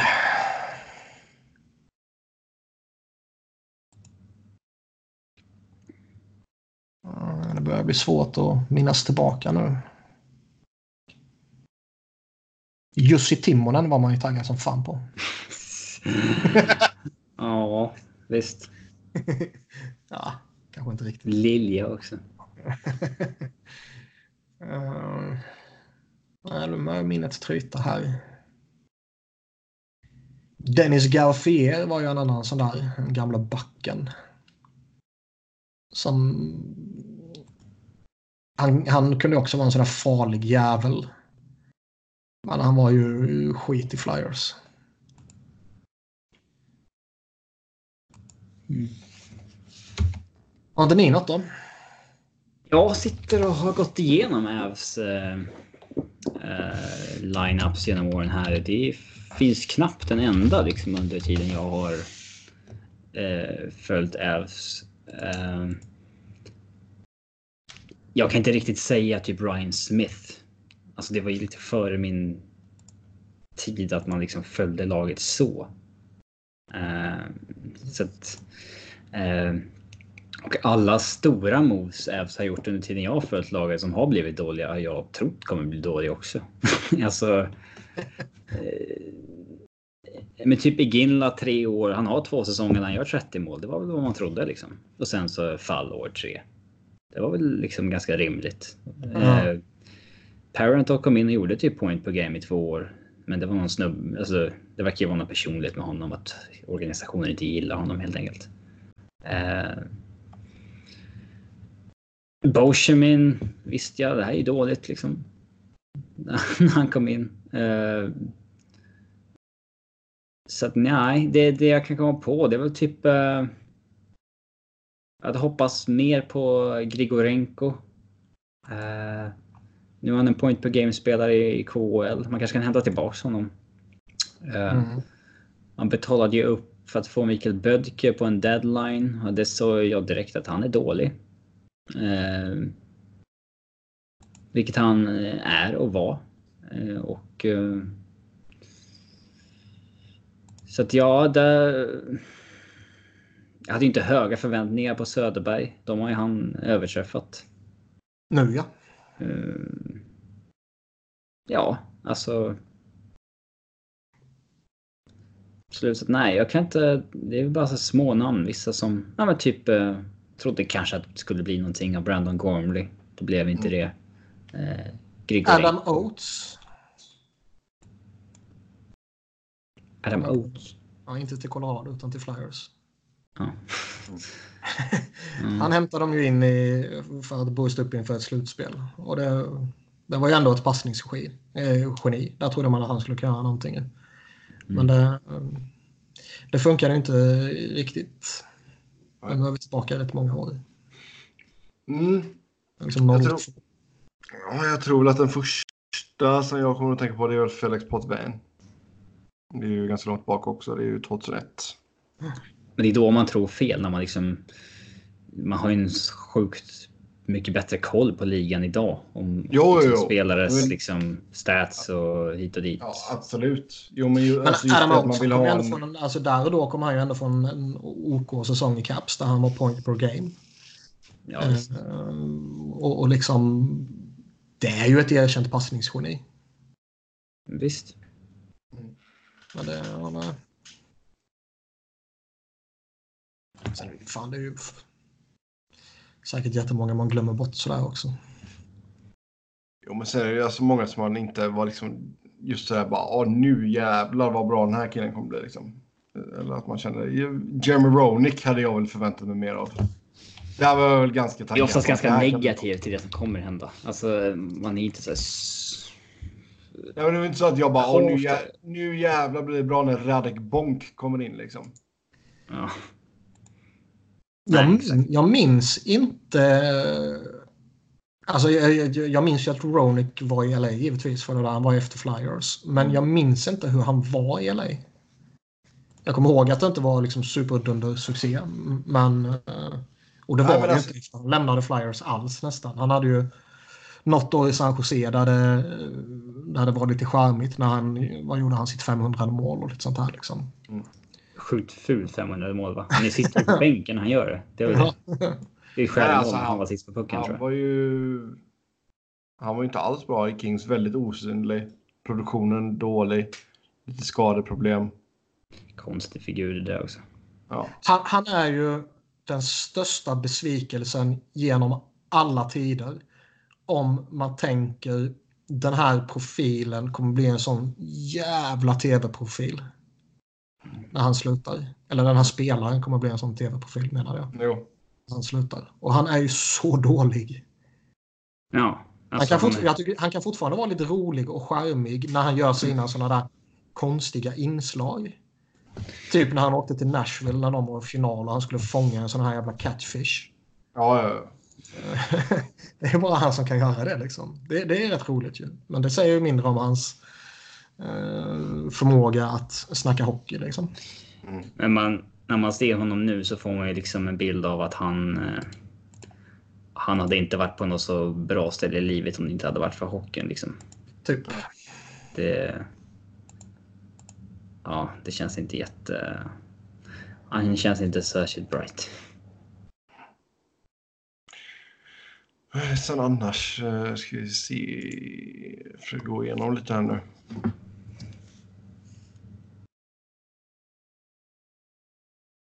Alltså Mike Richards och Jeff Carter blir ju skitbra.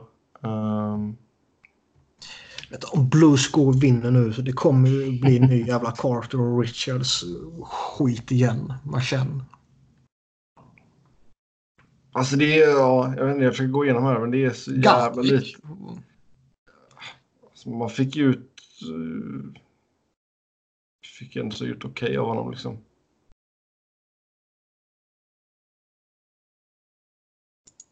Och du taggade på Fanöf, det var det va? Det var väl mest kontraktet som man var lite skeptisk till.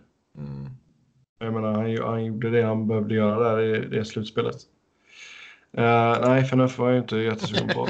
Uh, Daniel Carcillo var jag inte heller jättesugen på. Uh, nej, men liksom det, det har så jäkla många liksom så här blä. Alltså även typ så här Sekra Lucic. Visst, det var väl... Man tänkte, ja, ah, det här kan bli nice. Men det var inte så att man satt och verkligen bara... Milan Lucic kommer liksom gå in och döda allt och alla och vara världens bästa power forward. Eller att Sekera kommer vinna Norris liksom. Mm. Det, och jag menar Kowalczyk.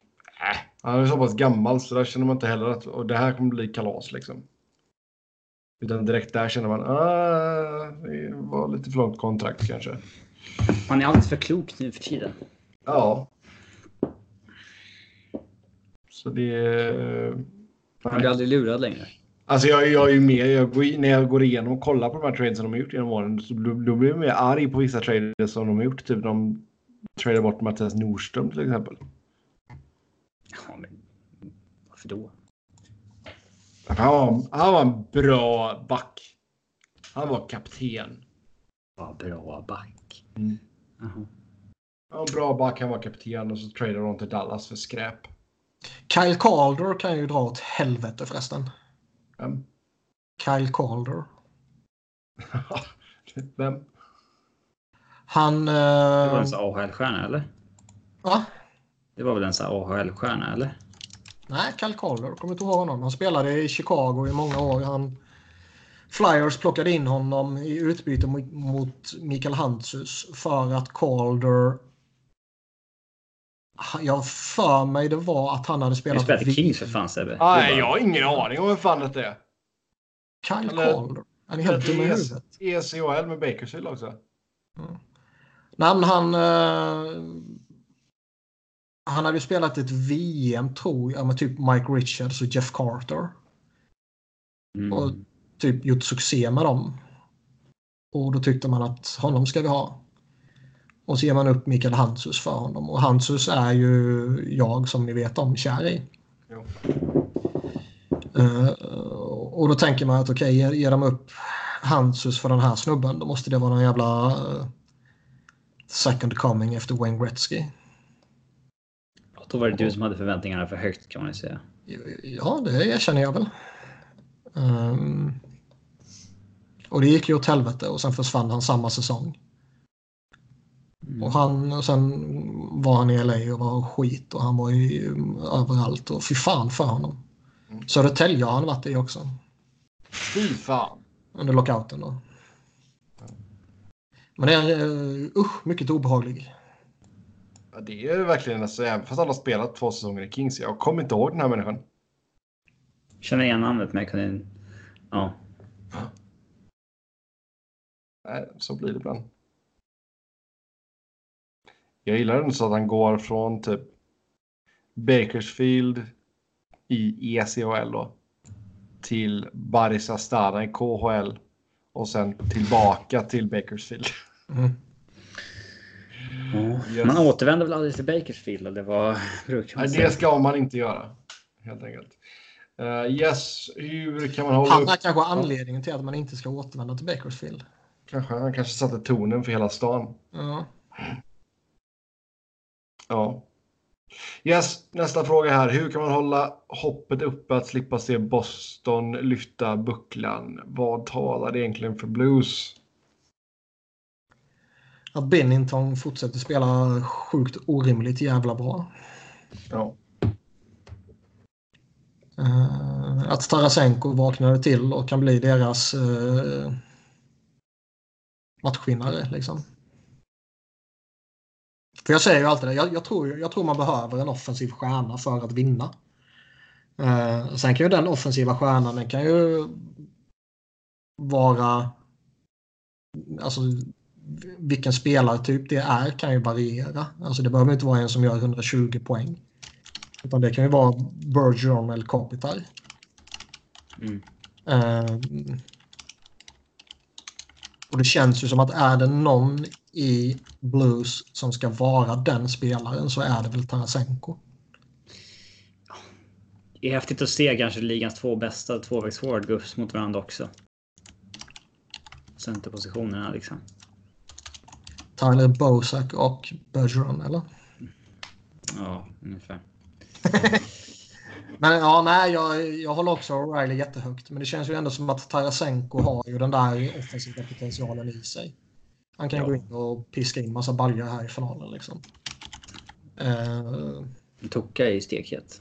Mm. Stekhet. Alltså hur... eh, Så Boston går ju en väldigt lång period här nu utan match. Man ska ju till och med köra någon träningsmatch här, alla Kör Columbus. massa scrimmages ja. Jag tror att det är ganska bra att vila. Jag tror det är bra i deras fall. Alltså det, har, det har ryktats lite om att Bergeron går skadad. Chara, Chara var ju skadad. liksom. Och att låta en 42 är det väl årig, eller han 43, nej 42. Att låta en 42-årig back vila lite inför en final är ju på inga sätt dåligt. Samma sak med Bergeron om det stämmer att han är sargad. Ehm, Vi har dock konstaterat att Bergeron är som bäst när han är skadad. Ja, jo. Men då får väl Chara mörbulta honom innan finalen börjar igen. Som bäst med punkterad lunga. Eller? Exakt. Som han spelade med i slutspelet förra gången. Ja. Eh, sen, hur hade ni tagit ut lag som All-Star-lagen var innan när det var Nordamerika mot övriga världen? Vilket tror ni hade vunnit en sju matchers serie? Nu ska vi ta ut lag här. Det hade väl Europa gjort. Övriga världen menar du? Ja, visst. Ja. Vad, vad, Du vill ha med asiater, visst. säger du någon någon annan spelare då? Nej, jag vet inte. Eh, ja. Ja, ska vi ta ut lagen då? Kan man sortera Fulla lag, eller? Amerika och Europa någonstans? Eller kan man sortera på flera länder Nej. någonstans? Nej. Nej, det är för jobbigt. Okej, då skiter vi i den. Men vi tror i alla fall att övriga världen skulle vinna. Ja, alltså även om Kanadas eh, första lag är jättestarkt givetvis och sen så petar man in lite amerikaner där. Eh, Så blir det ett jättefint hockeylag. Men det känns ändå som att Ryssland, Sverige, eh, Finland har någon vettig spelare liksom. Eh, Tjeckien har någon vettig spelare. Vad glömmer jag? Dreisaitl typ. Slovenien har en ganska bra också. Slovenien Ja. har fått lite- Eh, Jo, jo, här behöver vi inte tänka på cap eller någonting, så det är ju bara maxa. Ja. Ja. Vi får se ifall vi orkar med att ta ut det den Det, framtida. det kan bli ett sommarprojekt. Ja, det låter som en bra idé. Så ta inte illa vid dig om du ställer den här frågan, utan vi tar upp den Jo, gör det. Det var Sebbe som hatade på Nej. dig. Det var det inte. Nu var det inte det. I alla fall, då går vi vidare. Är det realistiskt att tro att Rangers kan signa två av Duchene, Panarin och Karlsson? Är det till och med möjligt med alla tre? Två, ja. Tre, mm. Tre känns ju... Vad har de? De har... eh, Projektet Capspace 19 miljoner. Och de har väl ingen dyr att signa. Nej. Fredrik Claesson blir nog inte så dyr. Nej. Eh, och de har 1, 2, 3, 4, 5, 6, 7, 8, 9, 10, 11 forwards, 6 backar och två målvakter under kontrakt. Så man jävligt mycket pengar att kunna spendera på rätt få spelare om man vill det. Man petar in tre av dem på 19 miljoner plus att man behöver fylla ut ytterligare någonting och förlänga med någon RFA vill man ju säkert behålla och, sådär liksom. Men det känns ju som att kommer, kommer Karlsson så ryker Lars Attenkirk. Men du kan ju inte bara skjuta honom. Eller jo, det kan Nej. Det sa jag inte. Jag sa- förslag, Sebbe. Ja, Ja, det var inte riktigt det jag föreslog. Men...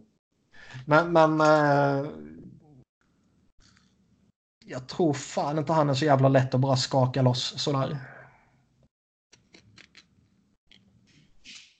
Nej, Vad har han? Han har en 10 team no trade list. Och det är 6,65 miljoner på två år till.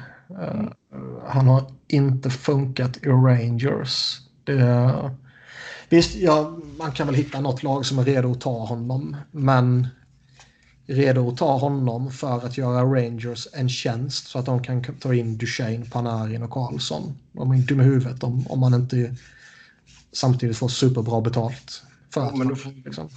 Han, Davidson får ringa till Columbus där. Tjena, hallå.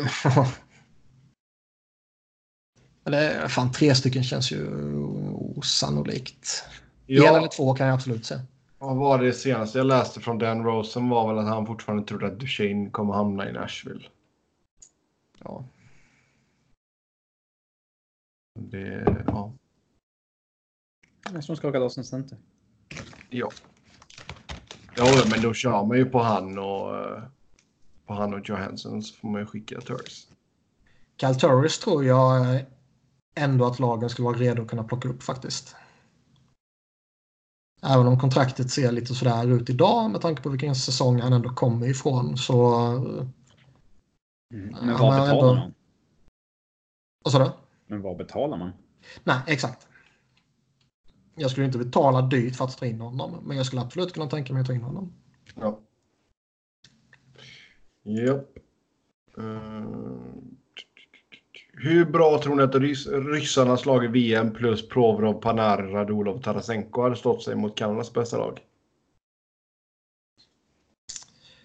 Eh, ja, då blir det väl i princip Rysslands bästa lag. Mm. Mot Kanadas bästa lag. Man säger bara det, Rysslands bästa lag mot Kanadas bästa lag. Vad är det någon... Det är väl ingen uppenbar som är utanför. Bland utespelarna. Det är väl typ Andrei. Sveshnikov. Men platsar han ens liksom? Om man ska peta in dem där som Mm. kommer här också. Sen är det ju någon målvakt givetvis, Bob och sådär. Men eh, Vasilevski är väl ändå starter.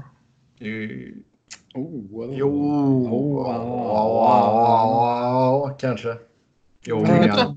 De har ett bra val att göra det i alla fall. Ja. ja, exakt. Bobby. Men skitsamma, det, det är liksom en coin flip typ. Jo, Ehm, där är de ju bättre än Kanada i alla fall, på den positionen. inte om Carter Hart spelar. Nej. Om vi säger att Carter Hart bryter benet då, han inte kan spela. Nej, det får, sånt pratar vi inte om. Vilket obehaglig tanke. Ja. Men eh, Kanadas bästa mot Rysslands bästa. Typ bästa. Det känns väl också som... Om det spelas i Kanada med kanadensiska domare så kommer ju Kanada vinna med 4-0. Okej, ja. men- Säg att det spelas i Finland med svenska domare. Nej, men liksom skämt åsido. Jag, jag tror det skulle vara jättejämnt. Om det gäller någonting. För det känns ju faktiskt som att det känns som att kan, eller Kanada på ett annat sätt bara skulle kunna på ren liksom prestige gå ut och göra en maxprestation. Mm. Men man kanske är lite fördomsfull när man tänker att ryssarna behöver mer än prestige att spela för. Tvärtom tror jag. De är nog mer automatiskt patriotiska. Ja. Jag vet fan alltså. Ja. Vi får se om vi kan få något nytt sånt. Ja, Eh, t-. Tror ni att det kan bli lite, lite lättare förhållande att eventuellt trada Lucic med tanke på att det är två rätt tuffa och hårda lag som möts i final? Det är fan en rätt intressant fråga alltså. Så jag tror hade varit lite, lite... Alltså grejen är att han varit så jäkla urusel. Mm. Men jag tror ändå liksom att säga att... Eh, Det känns definitivt som en sån här grej vi kan läsa i Friedmans 31 thoughts om två månader. Att eh, intresset för Lucic gick upp lite grann när nej, men säg så att, lagen såg att det var Boston St. Louis i final. Bla bla. Ja, och så Patrick Maroon, han går in och han gör några baljer där liksom. Och David Backes får någon jävla revival och petar in Fruktansvärt kort minne. Ja. Eh, då kanske något, alltså om inte annat så om jag vore Edmonton skulle jag ju försöka lura folk till att gå på det. Liksom att titta här vad Patrick Maroon har gjort, titta här vad David Backes har gjort. Ehm, det vill ju man ju ha om man, går till, om man ska gå till final. Jo, det förstår man ju. Men, eh, ja, nej. Nej, Intressant så- fråga och, och den, den är fan inte orelevant liksom. Nej. Men, um, Alltså han, kan- han säger, alla GMs är dumma i huvudet. Holland kommer ju fortfarande betala för att bli av med Lucic. Det är ju, står ju helt klart.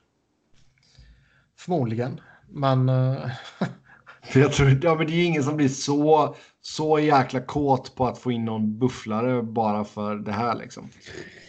Nej, det kan underlätta bara. Jo. Han behöver inte betala lika mycket liksom. Visst. Ja, med det då så tar vi och säger tack och hej för den här gången. Som vanligt ska ni köta hockey med oss via Twitter. Mig hittar ni på att Seb Noren, Niklas på att Niklas Wiberg, Niklas med C, Wiberg med enkel V och Robin hittar ni på R underscore Fredriksson. Eh, Robin, vad hette YouTube-kanalen där man kunde se kända maträtter? Eh, uh, binging with babies tror jag. Uh, Binging with Babish. Okej, ja. Han är ganska känd. babies ja. ja. Ja, han är ganska känd. Men han har i alla fall gjort Rachels Trifle från Vänner. massa annat också. Alltså så Ja. kända filmer.